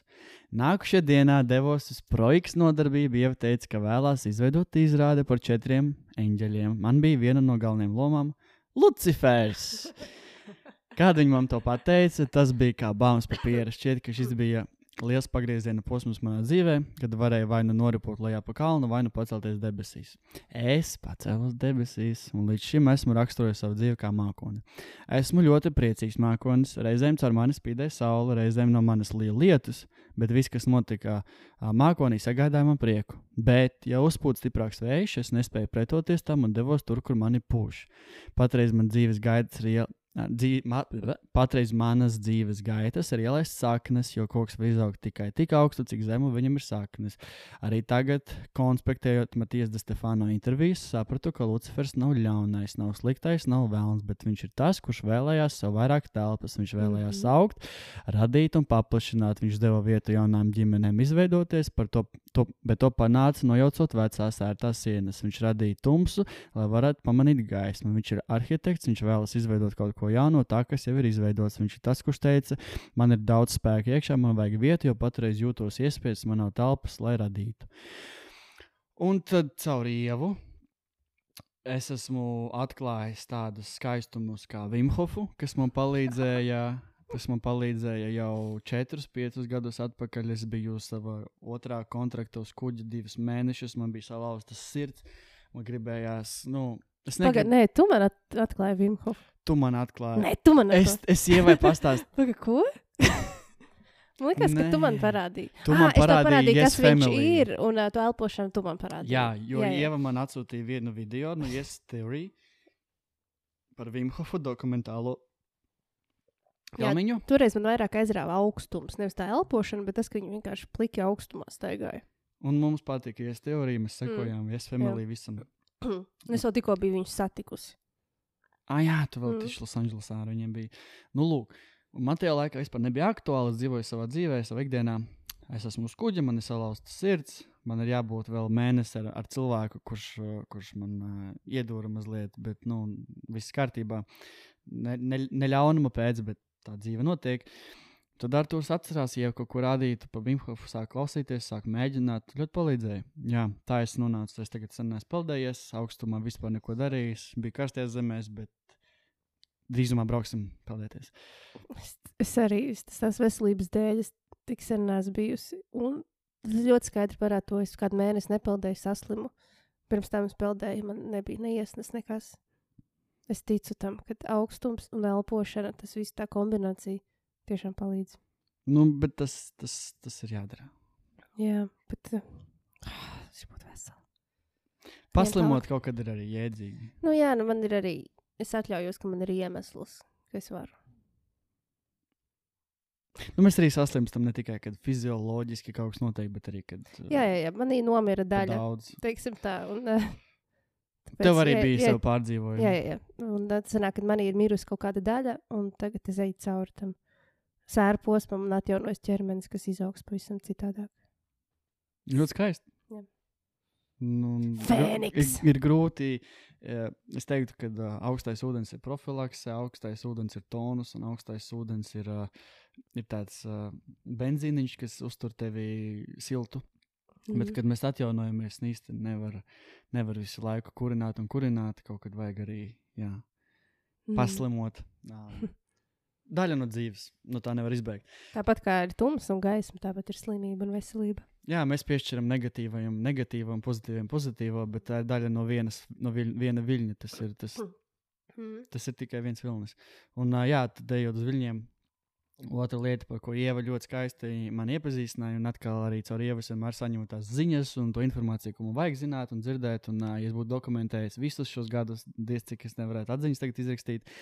Bet Matijas Stefano ir otrs lielākais tāds atklājums, kas manā, manā sausīs. Mans spirituālais krašs. Jā, I, I can relate. ir tik daudz noteikti cilvēku pasaulē, kas, kas, kas spēj un dara to, ko viņš dara, bet viņam patreiz ir balss, un mēs viņu dzirdam, un mēs viņu, mēs viņu jūtam. Tad nu, šis cilvēks atcerās savas pagājušās dzīves, pagājuš, uh, viņš atcerās uh, dzīves uz citām planētām. Un, uh, nes, nerunāsim šodien par to, vai tas ir patiesi vai tas nav patiesi. Mēs par to runāsim kā par jebko citu. Es dzirdu, es redzu, man patīk, es gribu dalīties. Un, uh, viņš, tagad mēs jau sākam atgriezties pie tā, pie, pie pirmā, ko tu stāstīji par vārdiem, par teikumiem un par, par to nozīmi, kad ā, mums. Mūsu valoda ir attīstījusies laikam, ejot uz priekšu, tāpat kā attīstās tehnoloģijas, attīstās tas, kā mēs runājam un ko mēs runājam, un attīstās vārda nozīmes. Un šis cilvēks, viņš, viņš stāsta par citām dimensijām, viņš stāsta par, par citām dzīvēm un par, par kaut kādām kosmiskām lietām, bet viņš ļoti skaisti pastāsta, no kurienes nāk vārdi un kā tie vārdi ir izveidojušies. Kas pilnīgi maina visu perspektīvu, visu perifēriju, kā, kā mēs skatāmies uz jebko ikdienā. Un, uh, es nolasīšu pāris lietas, bet pirms tam es vēl par Luciferu gribēju pieminēt, ka tā tad uh, šis tēls manā dzīvē arī parādījās kaut kādā posmā, kad es sāku klausīties, bet nu, bieži vien ar mums notiek kaut kas tāds neikdienišķs. Tu aizēji, tu paslīdi, nokrīti piecēlies, paskaties, ieraugi, satiec, aiziet, nopelni tāds tā kā vat, pilnīgi randoms chains, kas tev atved pie kaut kādas nu, negaidītas atziņas, negaidīta rezultāta, fiziska vai mentāla. Nu, man paveicās. Ka pirmā reize, nu, protams, liekas dīvaini. Man 18 gadus nekas tāds nav bijis. Pirmā viena diena, pāris stundas notiek kaut kas kreizī. Nu, nu, paveicās, nu, ko darīt. Mm. Tad, kad tas notiek biežāk un regulārāk, tu sāc uzdot jautājumus. Kāpēc tagad? No kurienes? Ko es izdarīju, ko es nedarīju, kur es klausījos? Un, ja tu vairāk jautājumus uzdod, ja tu dziļāk ej tajā iekšā, jo tu vairāk atziņas saņem, un tad ieraugi kaut kādas, o, oh, šī te notika tas, te notika tas pats. Tu sāc savilkt galus kopā. Ko Steve Jobs teica, punktiņus var savilkt, kad viņi ir izdarīti. Galvenais tas, ka mēs punktiņus nevelkam tik bieži. Par Luciferu runājot. Um, viena lieta, ko mēs atceramies, ir devītnieki. Otra lieta, tagad mēs ejam uz Luciferiem. Um, this, es tagad biju angliski palasījuši, jo pirms es It, Luciferu it's fine. Jā, pirms okay. Ok. es Luciferu stāstu, vēl viena mana nodarbe bija uz kuģa. Es sāku daudz rakstīt, tātad es uzrakstīju 130 lapas par savu dzīvi, ko es turpināšu darīt. Es sāku konspektēt video. Es uh, tagad es tev Kāds parādīšu. video? Sa savus vai? Nē, es uh, klausījos Matijas Stefano video, Ah, tos video. un es izrakstīju katru vārdu, tā kā subtitrus tam video. Man šķiet, ka tas ir pieejams, ka tu vari nokopēt vienkārši. Es izrakstīju, Okay. es biju kuģa, man nebija ko darīt. Es divu stundu materiālu izrakstīju uz lapas, tas ir 30 kaut kāds lapas. Un uh, Kur interviju? es, iz, es Vai- divas izrakstīju. Vai Es izrakstīju Ro- Our Nine Dimensional Existence Explained from uh, Memory, un tad es iz- iz- izkonspektēju Remembering Our Past to Save Our Future. Tie ir no podkastiem, kas ir Jā, tie ir, tie, tie ir divi pirmie video, kurus man atsūtīja. Ar Aubriju. jā. Ar Obriju. Yes. Uh, Re, kur es tev tagad parādīšu, diemžēl skatītāji, klausītāji nedzirdēs, neredzēs, bet uh, vienkārši, lai tu redzi. Uh, Tur ir saturs uztaisīts. Es nemaz nemāku saturu Es uztaisīt. uztaisīju saturu. Oh, Es uztaisīju hell? rādītāju. Un uh, ar oranžiem ir iekrāsotas aktuālākās Ah, tēmas. aktuālāk, es domāju. Tur ir gan Audrija, kā, ko viņš saka, gan uh, Matijas, ko viņš saka. Un uh, tad es esmu vienkārši iezīmējis pašu aktuāl, aktuālāko kaut kādus vārdus, ko es nesaprotu. Jo um, man. Mēs noklausāmies divu stundu video, mēs, uh, mēs atceramies lietas, oh, šito es atceros, oh, šito es atceros. Nākamajā dienā lielāko daļu es aizmirstu. Mhm. Es negribu atkal tērēt divas stundas, lai klausītos to video, un man būs tik daudz atziņas. Es varu iet savā lapā, es varu izlasīt savus oranžos uh, burtiņus, vārdiņus, un apstīties, kas man bija aktuāli šajā laikā. Es ar satura rādītāju varu izlasīt, par ko viņi apmēram runā, un atrast to informāciju, ko man vajag. Man tas likās, dēm. Ja mēs sākumā runājam psiholoģiskās, ar to dokumentē vārds krāja, tad tagad es saprotu, es gribu krāt savu dzīvi, es gribu krāt savus resursus, no kurienes vāc informāciju ar, ar, ar atsauksmēm. Es, uh, tas, ko es tagad lasu, tas lasīšu, tas nav manis izdomāts. Es pārstāstu citu cilvēku, kas man patīk, Mhm. un ar laiku nāks mana puse no tā visa, ko es atrodu. Bet uh, tas ir vēl viens veids, kā es dokumentēju. Es arī pieņemsim atomiskos ieradumus. Es lasīju, es 12 lapās izkonspektēju visu grāmatu. Visu. Man grāmata vairs nav jālasa, man tagad viss Tev ir svarīgākais. savs konspekts. jā. Man ir savs konspekts par mm. to Mm. grāmatu, ko es gribu mm Mhm. -hmm. atcerēties. Un, ja agrāk es, uh, es godīgi sakot, es izlasīju kaut kādas 30, 40 grāmatas par šo laika posmu, kas mm -hmm. Mhm. ir izglītojušas sevis iepazīšanas grāmatas, tad tagad man negribās um, Mm. mm. maukt, teiksim, uz divām grāmatām nedēļā. Mhm. Man gribās maukt uz vienu grāmatu mēnesī, bet uh, nu, es celestīnos profesijas esmu izlasījis reizes piecas. Mhm. Un es tev parādīšu. Tā vispār nevar konspektu uzrakstīt, vai tu traks. Tā visa grāmata ir konspekts. Jā, un skaties, uh, pirms es sāku savu life review rakstīt, es, es izkonspektēju, izkonspektēju life review, ne, bet uh, Celestīnas profesijas, visus deviņus insights izlas, izrakstīju. Un tad es uh, vienkārši gribēju, teiksim,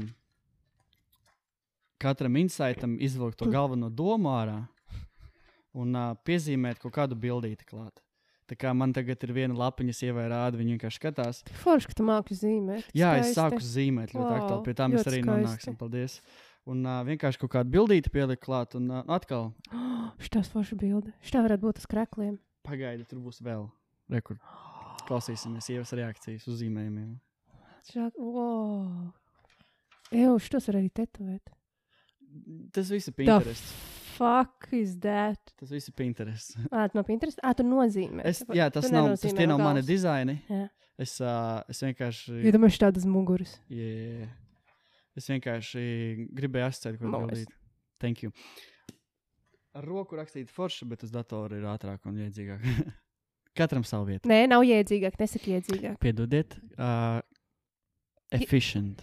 Jā, iedzīgāk ir ar roku rakstīt. Bet uz datora ir ātrāk. Nu, jā, man ir, man ir. Par to es tagad negribu grimt iekšā. Bet, oh, ir laiks dāvanām. What? Pirmā dāvana. Uh, es biju Emirātos, es atvedu dievai kaut ko. Oh, no, no. Šis ir Celestīnas profesija, uh, ļoti īpaša, īpaša editions. Tas ir apraksts par uh, īsumā par pirmo daļu, un tur ir vēl viņa gaidi, kā, kā šo visu pielietot ikdienā, kā, kā to attīstīt. Oh un, uh, teiksim, tā note no autora. Paldies, Eitino, šī ir viena no labākajām dāvanām, kas pilnīgi, tu zini, kas es esmu. Jā, es domāju, ka es negribu nekādu magnētiņu, vai nekādu saldumus, bet. Uh, Es īstenībā gaidīju magnētu. Jā, es, es domāju, ka. eh, Zini, kā man viens draugs pateica, labāk nopirkt, uh, pasūtīt magnētiņu no, no eBay vai no, no kaut kurienes un vienkārši ieprintēt, uh, uztaisīt kaut kādu lokālu bildi, kad esi ceļojumā. Pēc tam tu vari vai nu grēvot magnētiņā to bildīt, vai nu tu vari vienkārši ielikt iekšā. Tā ir daudz lētāk.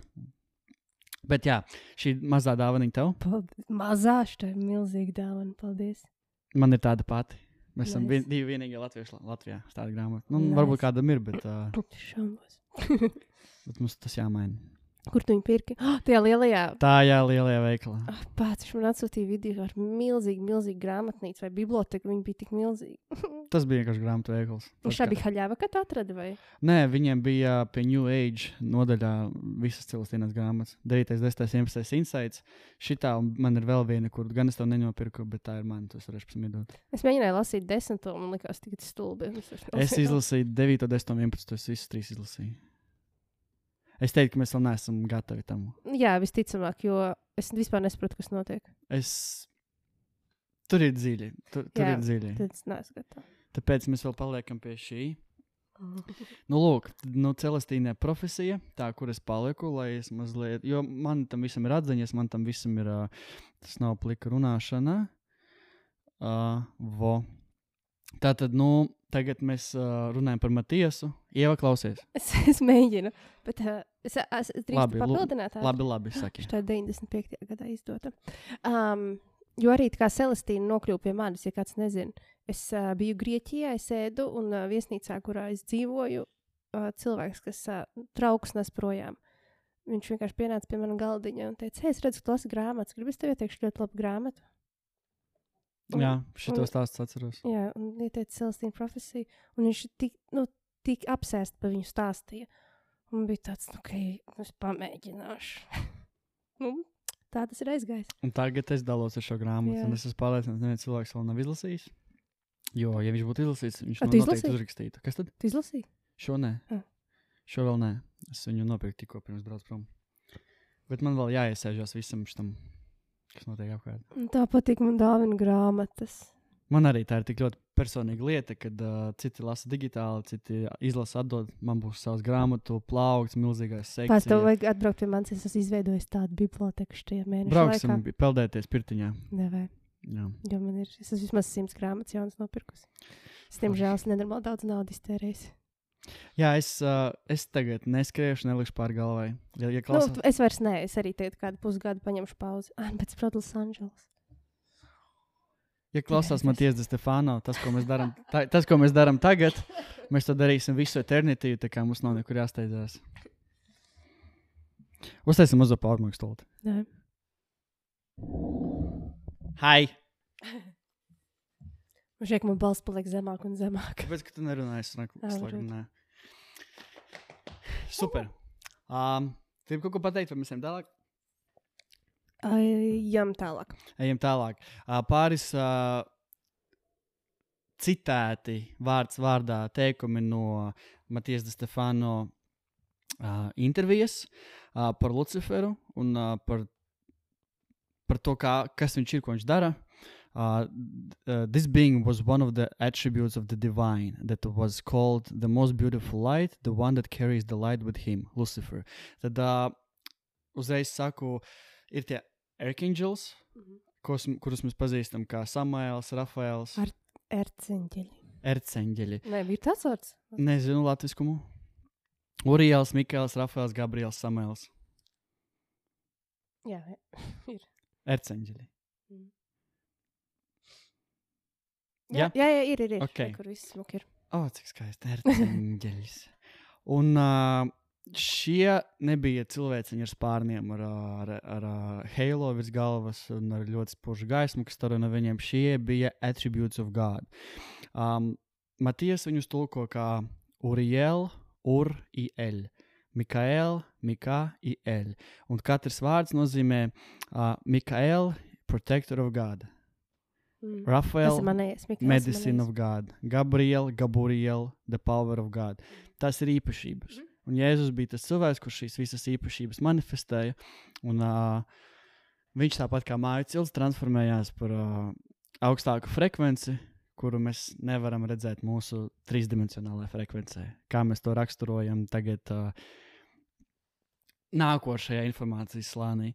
Tad nu, Lucifers tāpat tās ir uh, veidots no Lukas Ferus, kas uh, nāk no latviešu valodas. Lukas ir light un Ferus ir bring.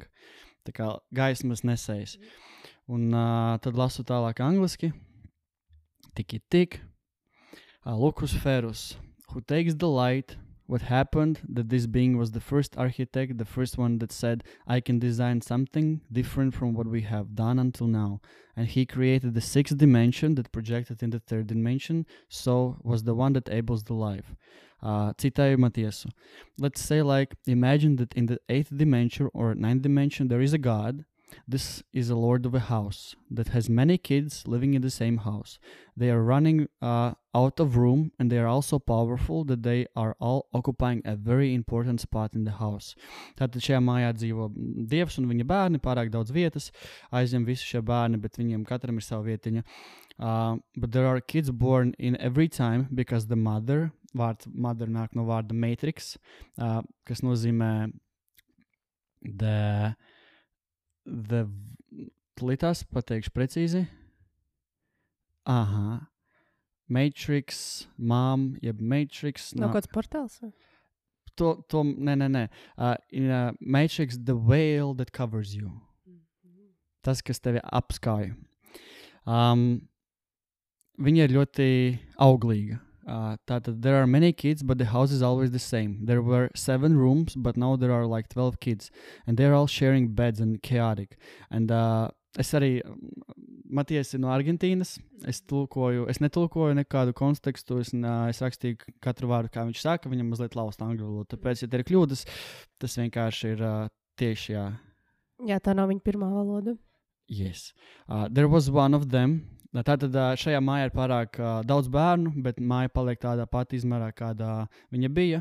Un ir viens no šiem bērniem, viņu sauc Samuel, that said, What if we make the house bigger? What if we make something different from, so we all could live in a very different way? So in the seventh dimension, they are uh, the happy family where they all sit around the table and they said, Oh, we love it so much for each other that we don't care about the space we have. There was one at the table that said, I care. I care about because I need my space. I have too much power inside and I'm sharing this space with people that is not allowing me to grow. So God said, Okay, what would you do? Um, and he said, Well, I would get rid of, of, of that wall. I would throw it out the way. If you give me a hammer, I will destroy it. I don't care and I will create another room. So he created another room. But the other says, I want another one. I want my own room. So he started to break all the walls to make the house bigger. And then uh, uh, they had kids and family, so they had to do the same thing, breaking the walls, creating more, and blah blah. The family grew. The universe grew in fractals, in many tiny fractals. Um, šis bija mazi, maziņa atkāpīte, kas ar mani ļoti rezonēja. Es uh, sākotnēji stāstīju par to, ka es krāsoju melnās sienas savā mājās, kad es uh, metaforiski, bet man arī likās pa šauru. Gribējās izdaudzīt, gribējās citādāk, gribējās uh, kaut kādu visu, visu, visam visu jēgu meklēt. Un, ja iepriekš es asociēju vēlnu un to visu ar kaut ko ļoti tumšu un sliktu, tad tagad pretēji es esmu sācis ieklausīties, ka tas Lucifera tēls, kaut kāds tēls atkārtot ir nācis manā dzīvē. Mm. Pi- Pirms man bija 18, 6, 7, 8, pirms 8 gadiem. Es dzirdēju kaut ko tādu, padzīvoju, aizmirsu. Mm. Notika vēlreiz aizmirst, notika vēlreiz. Nu, tagad tas nāk. Nu, ko tas tev saka? Mums arī bija vēlme izrādi izveidot, nebija īstais laiks, nebija īstā vieta. Kad būs izrāde? Pie tā nonāksim. Tā tad, uh, jā, Nonākot atkal uh, no ievas dzīves skolas, astoņus gadus klausoties, ko viņa stāsta, kāda informācija caur viņu plūst, un ejot tajā visā dziļāk, nonāca pie Vimhofa, nonāca pie Matijas de Stefano. Caur Matiesu de Stefano no dzīves saņēmu uh, ziņu no sveša cilvēka, ka es esmu Lucifers. Tad man Matijas stāsta, kas ir Lucifers, tad ieva stāsta, ka grib izrādīt par Luciferu daudz, tas Lucifers dzīvē parādās. Nu, jāpievērš tam uzmanību. Tāpēc ar to sēž, ar to lasa, ar to raksta, ar to atcerās. Nākošā lieta Uh, cipars 9. Cipars 9 manā dzīvē ļoti īpašs, jo es esmu dzimis 09, 09, 19, 96. Manā matricā ir 4 devītnieki, 1 sešnieks. 3, 6 un 9 ir cipari, kas uh, veido visu visumu. Pirm, uh, pirmā figūra uh, kosmosā, kas izveidojās, bija uh, trīs stūris. Viens punkts ir punkts, divi punkti ir līnija, trešais punkts rada trīs stūri. Trīs stūris veido fraktāļus, fraktāļos viss vis kosmos veidojās. Um, pats cipars 9, viņam es sāku sekot noteikti tā a- aktīvi pirms diviem gadiem, es teiktu, kad es sāku saprast, ka, nu, kad Matijas stāsta par uh, pozitīviem cilvēkiem, par negatīviem cilvēkiem. Viņš stāsta par cilvēkiem, kuriem ir dažādas frekvences, un katrā frekvencē tev ir sava pieeja savai informācijai. Ja mēs domājam, ka mums, uh, ja mēs nedomājam domas galvā, bet mēs domājam galvas, mums, mums galvā ir radio, stereo, kurš var tos viļņus pieķert. Uztvert, jā. Uztvert un, un mūsu smadzenes tulko tos viļņus, un mēs viņus kaut kā verbalizējam caur savu perifēriju, caur to, cik mums attīstīts magnetofons, cik viņš ir tīrs un kā viņš labi uzķers skaņas. Bet uh, ir, uh, ir būtnes, kuras ir uh, neapziņā. Viņas ir vieglāk kontrolēt. Ja viņš, ja viņš saņem kaut kādu domu, kaut kādu impulsu, kaut ko darīt, viņš ies un to darīs. Tie cilvēki, kas ir atmodušies, kuri jau apmēram saprot, nu, nu, šī ir mana doma, šī ir ego doma, šī ir sveša Mhm. doma, man šis ir impulss, bet kāpēc es viņu sajūtu, ko es pievilku, kāpēc varbūt man ir uh, citādāk jārēģē. Viņus nav tik viegli bīdīt. Tāpēc, uh, teiksim, ja nu, teiksim, vēlniņš iečukst uh, neapzinātam cilvēkam kaut ko ausī, pa, ej, iesat viņam, viņš ies un to darīs. Mm. Mm. Viņš nezina, kāpēc to nedarīt. Man, man ir tā doma, es tieši to darīšu. Apzinātam cilvēkam būs, nē, tas nav labi. Mm. Kāpēc es gribu to darīt? Nu, tad, tad, lai mēs saņemtu ziņas no kosmosa, no dieviņa, viņam vajag kaut kādu citādu veidu. Viņš sūtīs zīmes, tad mēs redzam sinhronisitīs, tad mēs redzam vienādus ciprus, mēs satiekam to pašu cilvēku, mums ir acu kontakts, mēs, mēs esam īstajā laikā, īstajā vietā. Tas, tas zelta, tas izteiciens, kas atnes visas lielākās iespējas, bet ko tas nozīmē, kā mēs tur atnākam, kāpēc mēs nonākam. Cipari, um, astroloģija, tā ir viena maza daļa no visa, visa, visa. Uh, atkal stāsta, kad, uh, kāpēc teiksim, viņš atcerās savas dzīves iepriekšējās, cita neatcerās. Kāpēc tu neatceries? Kāpēc es neatceros? Tāpēc, kad uh, viņš pielīdzina visu bioloģijai, ja tu gribi saprast visu, saprot bioloģiju, ja tu esi. Uh, nu, lai, lai, lai pasaulē izdzīvotu, ir vajadzīgs katrs orgāns, tāpat Mhm. mm. kā mūsu ķermenim. Kā, kādam ir jābūt Mēs vienā sirsniņai? podkāstā par to runājām. Yes, kādam Jā. ir jābūt sirsniņai? Mm. Katrs pild savu funkciju, kāds ir nieri, kāds ir pēda, un uh, mēs katrs esam puzles gabaliņi. no, no Mm. mm. visas lielās gleznas.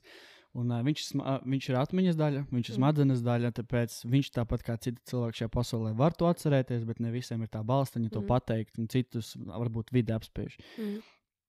Man, rekurors parādīšu vienkārši ievai mazu mapīti ar uh, devītniekiem, kurus es sāku pamanīt. Uh, filmā Visvarnais Zohans.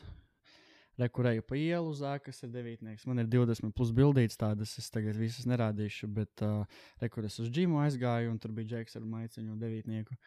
Un uh, visu kuģa laiku 9, 9, 9, 9, 9, 9, 9, 9. Parādīšu Bentley ar ļoti skaistu uzrakstu. Karač, man te ir. Es gribu papildināt šo. Uh, tas, laikam, kurš viņu pierakstīja. Ir um, cilvēkiem uh, mind traps, tas saucās. Praktiski lietas, kas ar mums notiek, kuras mēs neapzināmies, bet apzināmies, bet mēs neko nevaram darīt. Vienkārši ar mums tas notiek. Ir tie mind traps, un tā ar mums var arī manipulēt vispār visā pasaulē. Lieliskākais piemērs ir atlaides, kad liek uz tām dzeltenajām zīmītēm. Un, uh, Cena var būt tā pati, bet, ja tu uzliec dzeltenu zīmi, tad uzreiz liekas, ka tā ir atlaide. Tas ir viens no piemēriem. Bet uh, arī tad, kad um, tu sāc pievērst uzmanību kaut kādai konkrētai lietai. Piemēram, gribu pirkt mašīnu, es noskatu Renault un pēkšņi visur redzu Renault. Ja tu uz kaut ko koncentrējies, tas pēkšņi vairāk nonāk tavā apziņas tajā sfērā. Un ir tam nosaukums. Man ir 21, tas sarakstīts, tāpēc. Hmm. Kad domāju, es atradīšu uzreiz. Tu vari izgriezt. Neatradīsi uzreiz. Uh, Bader Meinhof fenomens. Tas ir uzvārds, laikam, vīrietim. Bader Meinhof fenomens. Arī, piemēram, tu iemācies jaunu vārdu vai faktu, un pēkšņi visur to redzē, visi par to runā. Vai ir jauna apava, un pēkšņi visiem tie apavi ir. Tā ir ilūzija, ka, kad kaut ko tu ievēro pirmo reizi, tad ir tendence to ievērot biežāk. Mēs redzam lietas, kuras mēs meklējam. Tas ir tāda psiholoģiska lieta. Bet es arī ticu, ka tam ir nozīme, kāpēc tu to redzi, kas ir no spirituālās puses. Jo tās lietas, es to pielīdzināšu, pasaulē ir uh, tik patiesības, cik ir biljoni cilvēku. Pasaulē ir tik daudz intereses, cik ir daudz cilvēku. Un pa... tik daudz reliģijas, cik ir mācītāju. Stop roasting. It's not chicken time. oh, Šādi nebija dzirdējusi. um, Mēs varētu runāt par politiku, par ekonomiku, par arhitektūru, mēs varētu runāt par lopkopību, zemkopību. Mēs ar to varam runāt stundu, stundu desmitiem. Bet tas, ko es gribēju pateikt, ka mm -hmm. ir, ir konkrēts lietas, par kurām mēs runājam, ir konkrētas drēbes, kuras mēs nesam, ir konkrēta mm. mūzika, ko mēs no visa tā, kas ir pieejams, mēs darām konkrētas lietas. Kāpēc? Mm -hmm. Mēs pamanām konkrētas lietas, mēs aizdomājamies par konkrētām lietām. Katrai daļai ir, nu, ir domāts savs cilvēks, kādam ir jākakā uz ielām, lai kādas viņas varētu savākt. Jo nu, tas cilvēks, kurš uh, nedomā, viņš ies kā, kā tur, kur cits sūda, viņš ies dirst tam cilvēkam virsū, kurš, kurš lamājās. Nu, kā, tas man piemēra. man bija, ja, es viņu teiktu no otras puses, tad būtu loģiski, kā, nu, ko suns dara. Suns neskries mm. tīrā pļāvā, it kā kakāt. Viņš redzēs kaku, viņš ies blakus kakāt. Jā, man nav suņa. Nu, nu lūk, nu, tas ir tas, ko es domāju. Tev, nu, nevienmēr es nes, nerunāju simtprocentīgi, neko es nesaku simtprocentīgi. Mm -hmm. Bet, nu, ja kāds lamāsies, cilvēks no malas dzirdēs, viņš ies pie viņa lamāties. Mm. Cilvēks neies lamāties virsū yeah. tam cilvēkam, kurš smaida. Viņš var pateikt kaut ko, bet tas var noignorēt. Anyway, mm. tas, ko es saku, mēs pievelkam kaut kādas lietas, mm. mēs kaut kādas vietas, lietas ignorējam, vispār nepamanām. Es uh, es ieraudzīju tādu sapulci, visi viņus nesam, man bija jāierauga. Man bija jāiziet uz to veikalu, jānopērk pie tā cilvēka, man bija jāiztērē tam naudu, un uh, kaut kur es iešu tiem apaviem, kāds pamanīs, kāds nofčējis, bla, bla, bla. Tad man ar tiem devītniekiem tā ir. Mm. Plus papētīju. Devītnieks ļoti interesants cipars. Devītnieks ir cipars, kuru sareizinot ar jebkuru ciparu, un pēc tam summu saskaitot savā starpā kopā, būs atbilde 9. 9 reizes 2 ir 18, 8 plus 1 ir 9. 9 reizes 9 ir 81, 1 plus 8 ir 9. Es paņemšu random ciparu. Skaties. 31. 9 reizes 31 ir 279. 9 plus uh, 7 plus 2 ir 18. 1 plus 8 ir 9. 9 reizes 436.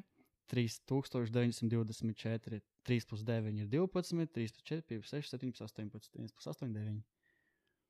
Devītnieks ir cipars, kas atkārtojās visur. Devītnieks ir Fibonacci cipars, kas uh, ir tas, kā mūsu auss formulējās, kas ir tā kā jau izbūmu, mind blown.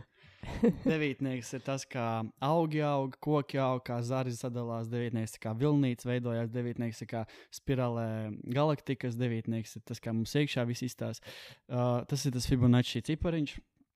Uh, jeb the golden ratio. Es zinu, ka visums sastāv no matemātikas.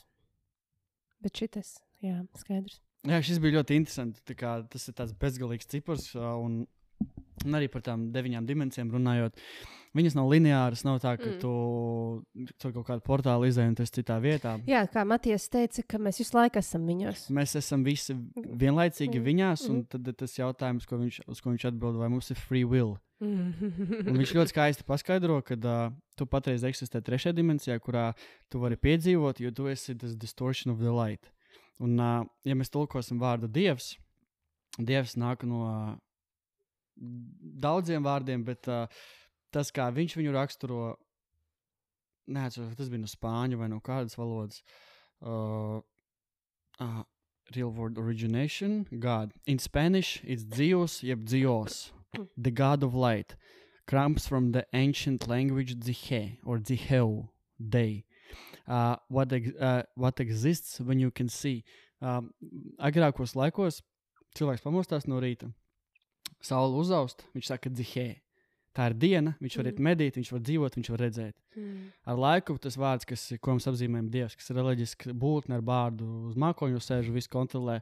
Agrāk cilvēki šo vārdu izmantoja, lai raksturotu dienu, kad mm. Mm. viņi var redzēt, kad viņi darīt, darīt lietas, piedzīvot un manifestēt. Mm Mhm. -hmm. Di diena ir Dievs, gaisma ir Dievs, saule ir Dievs. Un kā mēs jau esam ā, noklausījušies, mēs esam enerģija, enerģija satura informāciju, kvantum, fi kva- kvantum fizika māca to, ka dziļi, dziļi šūnās ieejot, mums iekšā ir 85-90% tukšums, un tur ir maza, maza elektriskais lādiņš, kas ļoti ātri kustās. Kurš uh, pazūd un atkal parādās. Un neviens nav atklājis, kur pazūd. Un No ja- kurienes Un, ja tu parādās. viņu observo, tas, kā Mm. tu uz to skaties, ietekmē pašu lādiņu. Mm. Un Mēs varam tā kā nu, ar savu magnētu viņus piesaistīt un izveidot kaut ko. Arī sliktu, ne tikai labi, arī sliktu. Kontrolēt un manifestēt. Mhm. Un, uh, ja tā visciešākajā veidā tā kā tulko vārdu dievs, tad tā ir diena, kas ir Mhm. gaisma, kas ir saule. Tad saules stars ir uh, sa- satur visu informāciju. Kad saules stars pieskarās pie kaut kāda kristāla, kas ir ūdens kristāls vai gaisa Mhm. kristāls, viņš sadalās. Pink Floyd trīs stūrī, mm -hmm. uh, ko mēs redzam, uh, The Distortion of Light, deviņas krāsas. Un katrā krāsā eksistē tā realitāte, kurā mēs dzīvojam, jeb deviņas dimensijas. Un, ja mēs runājam par free will, tad uh, mēs dzīvojam trešajā re limitētajā, distorted realitātē, kur mēs varam piedzīvot, jo mēs esam sadalīti, mēs mm. Neesam viens kopums. Mūsu būtne, kas ir mūsu dvēsele, kas ir mūsu. Uh, Kas ir Arthurs citā dimensijā, ir pieņemsim, mēs tagad nepateikšu precīzi. Mēs neiesim cauri de deviņu dimensiju kartē, jo es neesmu kvalificēts neko tādu mm. -hmm. stāstīt, un es varu tikai atstāstīt. Bet, ja pieņemsim, Arthurs trešajā dimensijā apzīmēs viņu ar krāsu zilu, ja, ja teiksim, Arthurs dzīvo sarkanajā dimensijā, kur viss ir iespējams, kur, gra- kur nav sadalīts nekas, tad Arthurs tajā dimensijā zina visu, redz visu, saprot visu, ir Mhm. visur. Mhm. Viņš zina, kas ir labākais Arthūram. Mhm. Un tas Arthurs no krā, sarkanās krāsas teiks, Arthūram zilajā krāsā dara šito. Tas ir tās intuīcijas, Mhm, es saucu sinhronicitātes, par augstāko es arī. augstākais es, ko es saņemu, ko es dzirdu, kam es sekoju.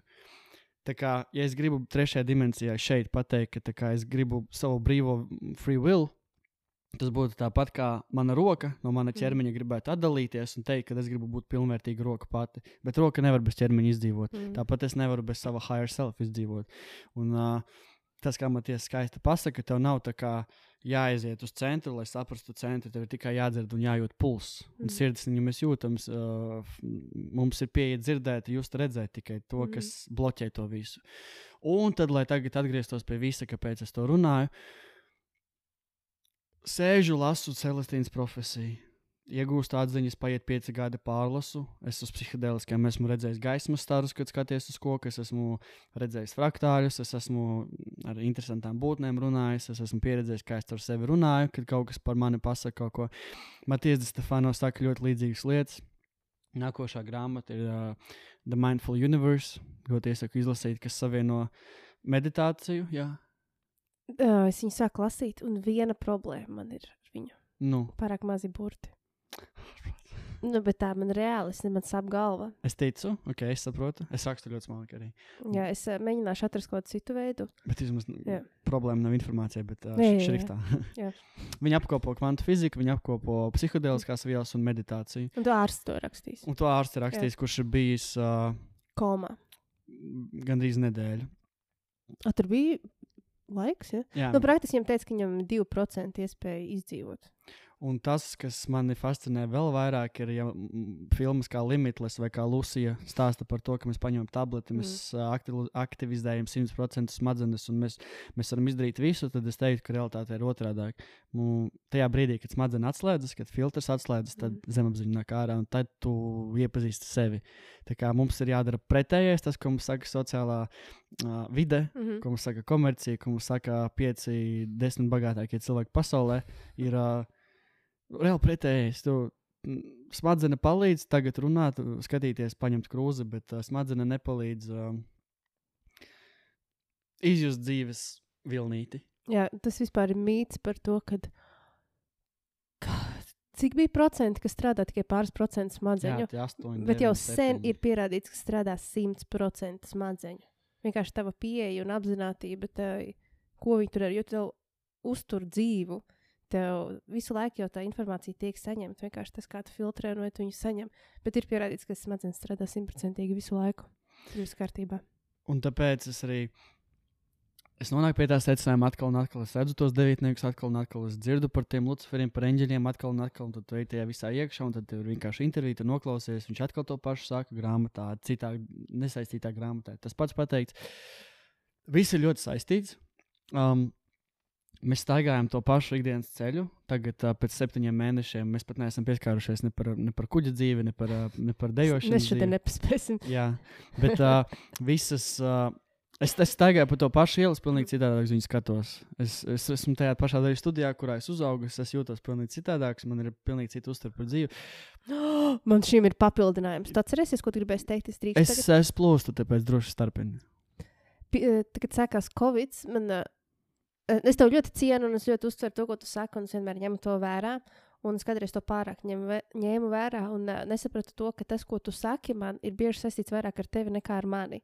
Man kādreiz nebija tāda koncepta vispār prātā, un vienmēr, ja tu kaut ko pasaki, uzreiz personīgi to uzņēmu un uh, meklēju sevi, tur, ah, ko es tādu izdarīju. Bet izrādās, uh, ka tam vajadzēja būt tā kā divu virzienu ceļam, nevis vienu virzienu ceļam. Es starp citu braucu pa stabilu, šodien pretī brauc mašīna. Lai vai kā. Un tu pateici tādu frāzi, ka studijā ir izmainījusies enerģija, ka tev tur besī nākt, vai tur, es tā kā izmainījusies enerģija. Es neko citādāk neesmu sācis darīt. Bet tagad es tagad sapratu, ka tev izmainījās enerģija, nevis studijā izmainījās mm enerģija. Mans filtriņš, kas uztur enerģiju, izmainījās. Jā, jā, un es kādreiz to ļoti personīgi. Nu, tās ir vairākas lietas, ko es teicu. Uh, vai tagad es nejūtos labi, vai tam līdzīgi. Un ķipa vaina uz mani tā kā liki. Un es arī to tā, ah, tad es esmu vainīga. Bet, uh, Jā, Tad- es, es, jā. es redzu, kā es tā varētu teikt. Jā. Um, tagad es noteikti biju citādāk domāju. bet arī es to nesapratu. Tas ir, tā- saku, tas divvirziena ceļš. Un es uzreiz tas neuzdodu papildus jautājumus. Es vienkārši to pieņemu, to, ah, ok, paldies. ir jāmaina. jā. Uh, Bet, bet ļoti interesanti. Jā, ir, nu, tas viss, visa šī saruna ir par to, kad, uh, kā atrast sevi, kā ieklausīties, kur meklēt tās zīmes, kā viņas tulkot, un uh, citi sapņus tulkot, citi astroloģiju pēta. Uh, es jaucu visu pa bišķiņiem, grāmatas cilvēki. Tas, ar ko tu runā, par ko tu runā, tas, note, tas visciešākajā veidā norāda uz tavu nākošo soli, tavu Mm. attīstībā, no kurienes smelties. Tu nevari vienkārši pēkšņi pārliekt kaut kādam līmenim pāri un būt jau Mm. citā, citā paralēlē mm, arī no horoskopiem mēs pieņemsim, meklējam savu vietu. Un manā part of my body, uh, Virgo, uh, intestines, uh, gremošanas sistēma, uh, nervu sistēma un zarnas. Tas tā ir mana ķermeņa daļa, un uh, tas ļoti rezonē ar to, ko es daru. Mm. Es, es lasu, klausos, dzirdu, un es digestoju, es visu sadalu pa daļiņām, mm. Tā kā es visu apkopoju. Uh, katram ir savai vietai jābūt, mm. -hmm. tad, tad then it makes sense to me. Tā, kā tā ir mana tā vieta pasaulē, un es. Un mēs abi esam jaunavas, un uh, tāpēc arī mums dažreiz ne, nebija šī saprāšana. Varbūt es uzreiz vienkārši to pieņemu kā taisnību. un Tad, jā, Jo nu, nervu sistēma vispirms reaģē, pēc tam viņi saprot, kas Jā. ar viņu notiek. Um, un šis viss man palīdzēja. Es nezinu, vēl, kas ir konkrētā lieta, quote un quote, kas man ir jādara, teiksim, lai Mhm. nopelnītu naudu, lai tur viss iztos dzīvē, lai būtu populāram un slavenam. Bet tas arī, redzi, ir tagad mainās. Vai tiešām tas ir mērķis? Izsisties Tas tiešām nav mērķis. Vai ne? Ko nozīmē izsisties, būt pamanītam, ka tevi zina, redz, dzird vēl. Nē, es negribu būt slavens. Un, Mm. mm. uh, tas ir tas, ko tu gribi darīt, un tu jūties labi, kad ir arī negatīvas lietas, un kā, kāds ir tas līdzsvars. Un, ja iepriekš man visu laiku bija tā dēļa, un es gribu slavenības būt, slavena, slavens būt, un tas ir tas, uz ko es skatījos, tas ir tāds kāds piemērs saņēmu, tad tagad es arī lasu The Company One. Uh, Skaista grāmata par to, ka uh, uh, exponential growth uzņēmumos nav vairs tas mērķis. Mums vairs Jā. Nav 9 to 5 job, mēs, esam, uh, mēs varam būt uh, full-time freelanceri. Vēl viena lieta arī teica, kāpēc ProX ir tikai vienā vietā, kāpēc tur vajag tālāk neiet. Un man bija tāds, nē, es palikšu pie sava viena vieta, viena vieta, viena vieta. Attīstība nevienmēr un, un izaugsme ir labākais. Tā kā paplašināties. Pap- paplašināšanās, paplašināties jā. jā, labāk paplašināties uh, iekšēji nekā. Ārēji. Jo, jo jau vairāk paplašinātos, jo ievai vairāk vajadzētu Mm. strādāt ar komandu, deleģēt darbu un sekot līdzi kvalitātes kontrolē, nekā Tas nav mans varētu. mērķis. A, Viņa grib dejot, attīstīt patiešo cilvēkus Mm. un nodot savu enerģiju tālāk ja, jaunai paudzei. Tā kā Tas ir pilnīgi cits. Pilnīgi cits un uh, Ieva var šo var nopelnīt tik, tik, tik, cik viņai vajag un attīstīties vēl citās jomās. Mm. un Viņai nav visu laiku jātērē uzņēmumu kontrolē. Mm. Tāpēc, jā, um, visa mana garā saruna un mans monologs bija par to, ka uh, tās nav lietas, kuras es savā ikdienā atradu, kas, uh, kas man baigi tagad uh, pasaka, ko man jādara, bet tas pasaka par to, kāds es esmu cilvēks, un uh, paralēli nu, ir daudz ko varu pastāstīt, bet uh, es esmu sapratis, cik un kam es vēlos nod nodot laiku. Pieņemsim, dejošana jau sen bija mans profesionālais hobijs, bet es nekad neesmu no tā tiksim, atkāpis un darījis kaut ko citu. Līdz es esmu sapratis, ka, ak, Dievs, jā, es esmu tur. Uh, Es, ne, es ne, neesmu hip hops, bet es esmu māksla. Mm. Un tas ir pilnīgi cits uh, labels, kādu tu sev uzliec. Un arī labeli nav labākā lieta, bet patreiz es rezonēju ar šo, kad uh, man interesē dizains, man interesē tā zīmēšana, ko es jau no bērnības mm. nodarbojos, bet es nebiju tam pievērsies. Starp citu, man jaka uz muguras, viss, vis, kas tur ir uzrakstīts, ir Celestīnas profesija. Tā labi. Yes, redziet, tur lielākais, Es tas viss ir Celestīna profesija dizains. Ja es uz drēbēm zīmēju, i- This is crazy. Are you kidding me? un tas uh, šitā jāciņa bija vēl divi mēneši darba. Tu ir tā, tāda kā meditācija, šo darīt. Uz zīmēt ir milzīga meditācija. Šis bija pa, pa traku, jo vienā brīdī tev apnīk katru burtiņu zīmēt rotiņu maziņu. Un man vajadzēja reizes trīs iet pāri, trīs kārtas katram burtam. Tas tev tagad smadzenēs ir viss šis iegājis. Jā, tas bija mērķis. Tas bija mērķis. Tas, uh, es vienkārši gribu to padarīt par daļu no sevis. Es rezonēju ar to visu. Un, uh, Tik smuki, ka krīt burtiņi. un tas nav tieši pārdošanai un un kaut kādai naudai, bet vienkārši to, to mēsāģu tālāk laist kaut kā iepēt man jāku. Nenormāli krūt. Paldies! Lūk, un uh, ļoti skaisti stāstīja, kad uh, mums ir daudz influenceru, mums ir daudz piemēru, kā dzīvot, ko darīt. Tagad var nopelnīt ar, ar visu, ar Adobe, ar AI, ar, ar dejošanu, ar, ar zīmēšanu, ar arhitektūru. Ar, ar visu var nopelnīt naudu. Mēs varam mācīties no cilvēkiem, mēs varam sekot no cil- cilvēkus, cilvēku pieredzēm un veiksmēm, bet tāds cilvēks kā es nav bijis. Un, es nezinu, teiksim, kā, kā apvienot dejošanu, ar zīmēšanu, ar dizainu, ar, ar vēl pelnīšanu uz laptopa un, un reklāmām. Es tā arī īsti negribu. Protams, tu vari miksot un mečot, bet uh, man vissvarīgākais bija ieklausīties savā ikdienā, Mm. kas ir tās lietas, kuras nāk, un uh, vienmēr izmantot to, kas uh, tev patreiz ir pie rokas, jo nu, tas ir labs piemērs tev. Tev ir bijis savs uzņēmums no 19 gadu vecuma, kur tu esi sākusi ar dejošanu, bet tu esi aizpildījis. Nu, tas tangents ir diezgan Mm. tālu aizgājis. Tavs, tavs koka zars ir aizpildījis pilnīgi tālu, kas formulējums ir tas Mm. pats. Bet, Nu, uh, tā, uh, stumbrs ir tas pats, un viņi ir tik daudz zari. Tagad. Jo es teiktu, Izauguši. kā, kā audzēknis, kas izgājis tavā dzīves skolē, ka tu esi, tu arī esi life coach, bet, bet tu esi zem pilnīgi cita labela. Sākotnēji tev deja bija kā mēdījis, ar kuru es, ne, es, es nezinu, vai tas tev aizvainos, bet es pie tevis neiemācījos dejot, pie tevis iemācījos dzīvot.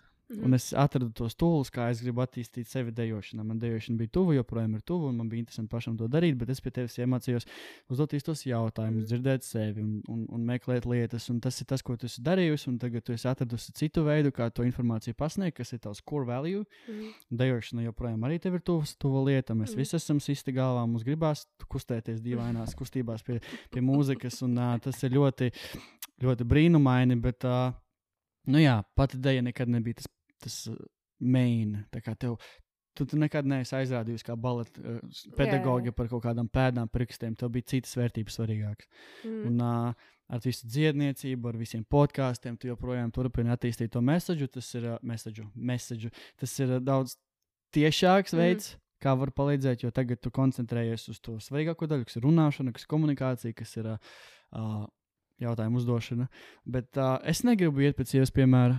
Man ir sava dzīve jādzīvo. Mm, loģiski. Un, uh, nu, es nezinu, vēl kā to Šī visu vieta jau ir aizpildīta. Tieši tā, katram ir sava vietiņa. Pat ja mēs Tieši esam no viena tā kā. Uh, No vienas daļas, mm. sistēmas, bioloģiskās sistēmas daļas, no tām nervu, nervu sistēmas un no, no gremošanas sistēmas, mums ir jāgremo dažādas lietas. Un es nezinu, kā izskatīsies mans tas dzīves stāsts, bet es zinu, ko es gribu tālāk darīt. Un es Mm. zinu, caur kurien es varu laimi meklēt. Un, uh, nu, tas pusgads prom no Latvijas man ļoti palīdzēja Mm. kad tev nav kur aizmukt, ka tu vienkārši sēdi un domā, es biju salādējis 50 kursus, ko mācīties par gatavošanu, par programmēšanu, par dizainu, par grafisko dizainu, par, par choreogrāfiju, par uh, how to make uh, great pictures, how to document your lifestyle. Skillshares Mm. sameloju. Offline es mēģināju trīs reizes nolādēt 50 gigabaitus caur sūdīgu Wi-Fi, kurš sitīgi pēc piecām minūtēm ārā Budapeštā. Nu, neaizgāja. Mm -hmm. tad nu, es biju uz kuģa, domāju, nu, varbūt tomēr nu, lied, liederīgi laiku izmantot, bet ne izmetu ārā, tur nevar neko mācīties.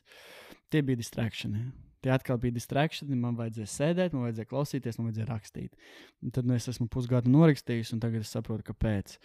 Ja es biju iepriekš izlasījis tās 30, 40 grāmatas, es biju izmantojis no viņām ļoti maz, jo man tā informācija bija samesta vienkārši viena pār otrai, mm -hmm. pār trešajai. Tāpēc man tagad ir daudz vērtīgāk vienu mēnesi lasīt vienu grāmatu un viņu analizēt 5, mm. -hmm. 10 reizes, un es jūtos daudz iedzīgāks par to visu. Bet jā. Ja Arthurs bija dejotājs, tad tagad Arthurs būs mākslinieks, Arthurs būs rakstnieks, un Arthuram arī būs sava grāmata, un mana grāmata nebūs uh, Tā ātrāk uzrakstīs grāmatu nekā es. Par to es arī gribēju pateikt. Man jau, man jau, man jau top. Pirmā grāmata ir priekš sevis. Tā būs Mhm. mana autobiogrāfija, mana dzīves chronoloģija, kuras visu dzīvi rakstīšu. Bet, uh, manuprāt, uh, vismaz cilvēki kā mēs nevaram īsti apsēsties un uh, izvēlēties tēmu. Tagad es, es rakstīšu par to grāmatu. Drīzāk pat es gribu personīgi dokumentēt, vākt, krāt, mm. Pēc tam to visu analizēt, un tad kas no tā viss iznāks ārā. Ko es Jā. varu savilkt kopā? Es uh, savējo, kā jau teicu, uh, praktiski izmet ārā. Man viņa, protams, kaut kur ir, bet labi, ka es neplānoju viņu izdot. Nu, sūdīgi. Vienkārši manas tā brīža kaut kādas tur asociācijas domas kopā ar manu dzīvi. Tā būtu bijusi sūdīga grāmata. Es zinu, ka pirmie kaut ko cēni ir slīcināmi, bet tas bija vairāk mans ego, kas gribēja izdot. Nekā. Nu, gribās būt pro- produktīvam, gribās, Jā. gribās turpināt ražot un, un, un radīt. Mm -hmm. bet, uh, Bet nē, nē, nē, visas zīmes, viss, kas man notika, liecināja, ka to nevajag darīt. Nav īstais laiks. Un uh, ar laiku, ar laiku. Es pats lasu tik labas grāmatas, un visu laiku, protams, asociēju ar to, o, manējā, kā izskatītos blakus, nu, sūdīgi. Tāpēc, Protams, koks ar diviem Jā. Galiem. Uh, kādam noderētu, kādam liktos pilnīgi galīgi garām, bet es teiktu, ka drīz šī grāmata kaut kam noderēs, un uh, tu no viņas kaut ko paņemsi, un uh, Mm. pēc tam tev būs mazāk darba, lai realizētu savu mērķi. Um, varbūt tas bija tavai garīgajai pasaulē. nē, nē, tas bija mans ego. Es viņu uzrakstīju, un viss, man ir viss kārtībā, man toreiz tā vajadzēja. Es to darīju, un man vairs negribas. Cik labs uzrakstīja? Nezinu. Viņa ir šitā te, viņa man izdrukāta šāda stāv. Nu, daudz. Un tur arī salikt man ir bloga posts, un tur es analizēju arī bloga postus, ko es tajā laika posmā tā kā domāju, un kas notika ar mani Cik dzīvē. tev bija gadi? 30. Hei, tā nākotnes sieva! Es gribēju pateikt, ka šeit mēs liekam punktu, un ar to pirmā daļa beidzās. Tiekamies nākamajā sērijā, otrajā daļā kopā ar Arturu Fatkinu. Tiekās!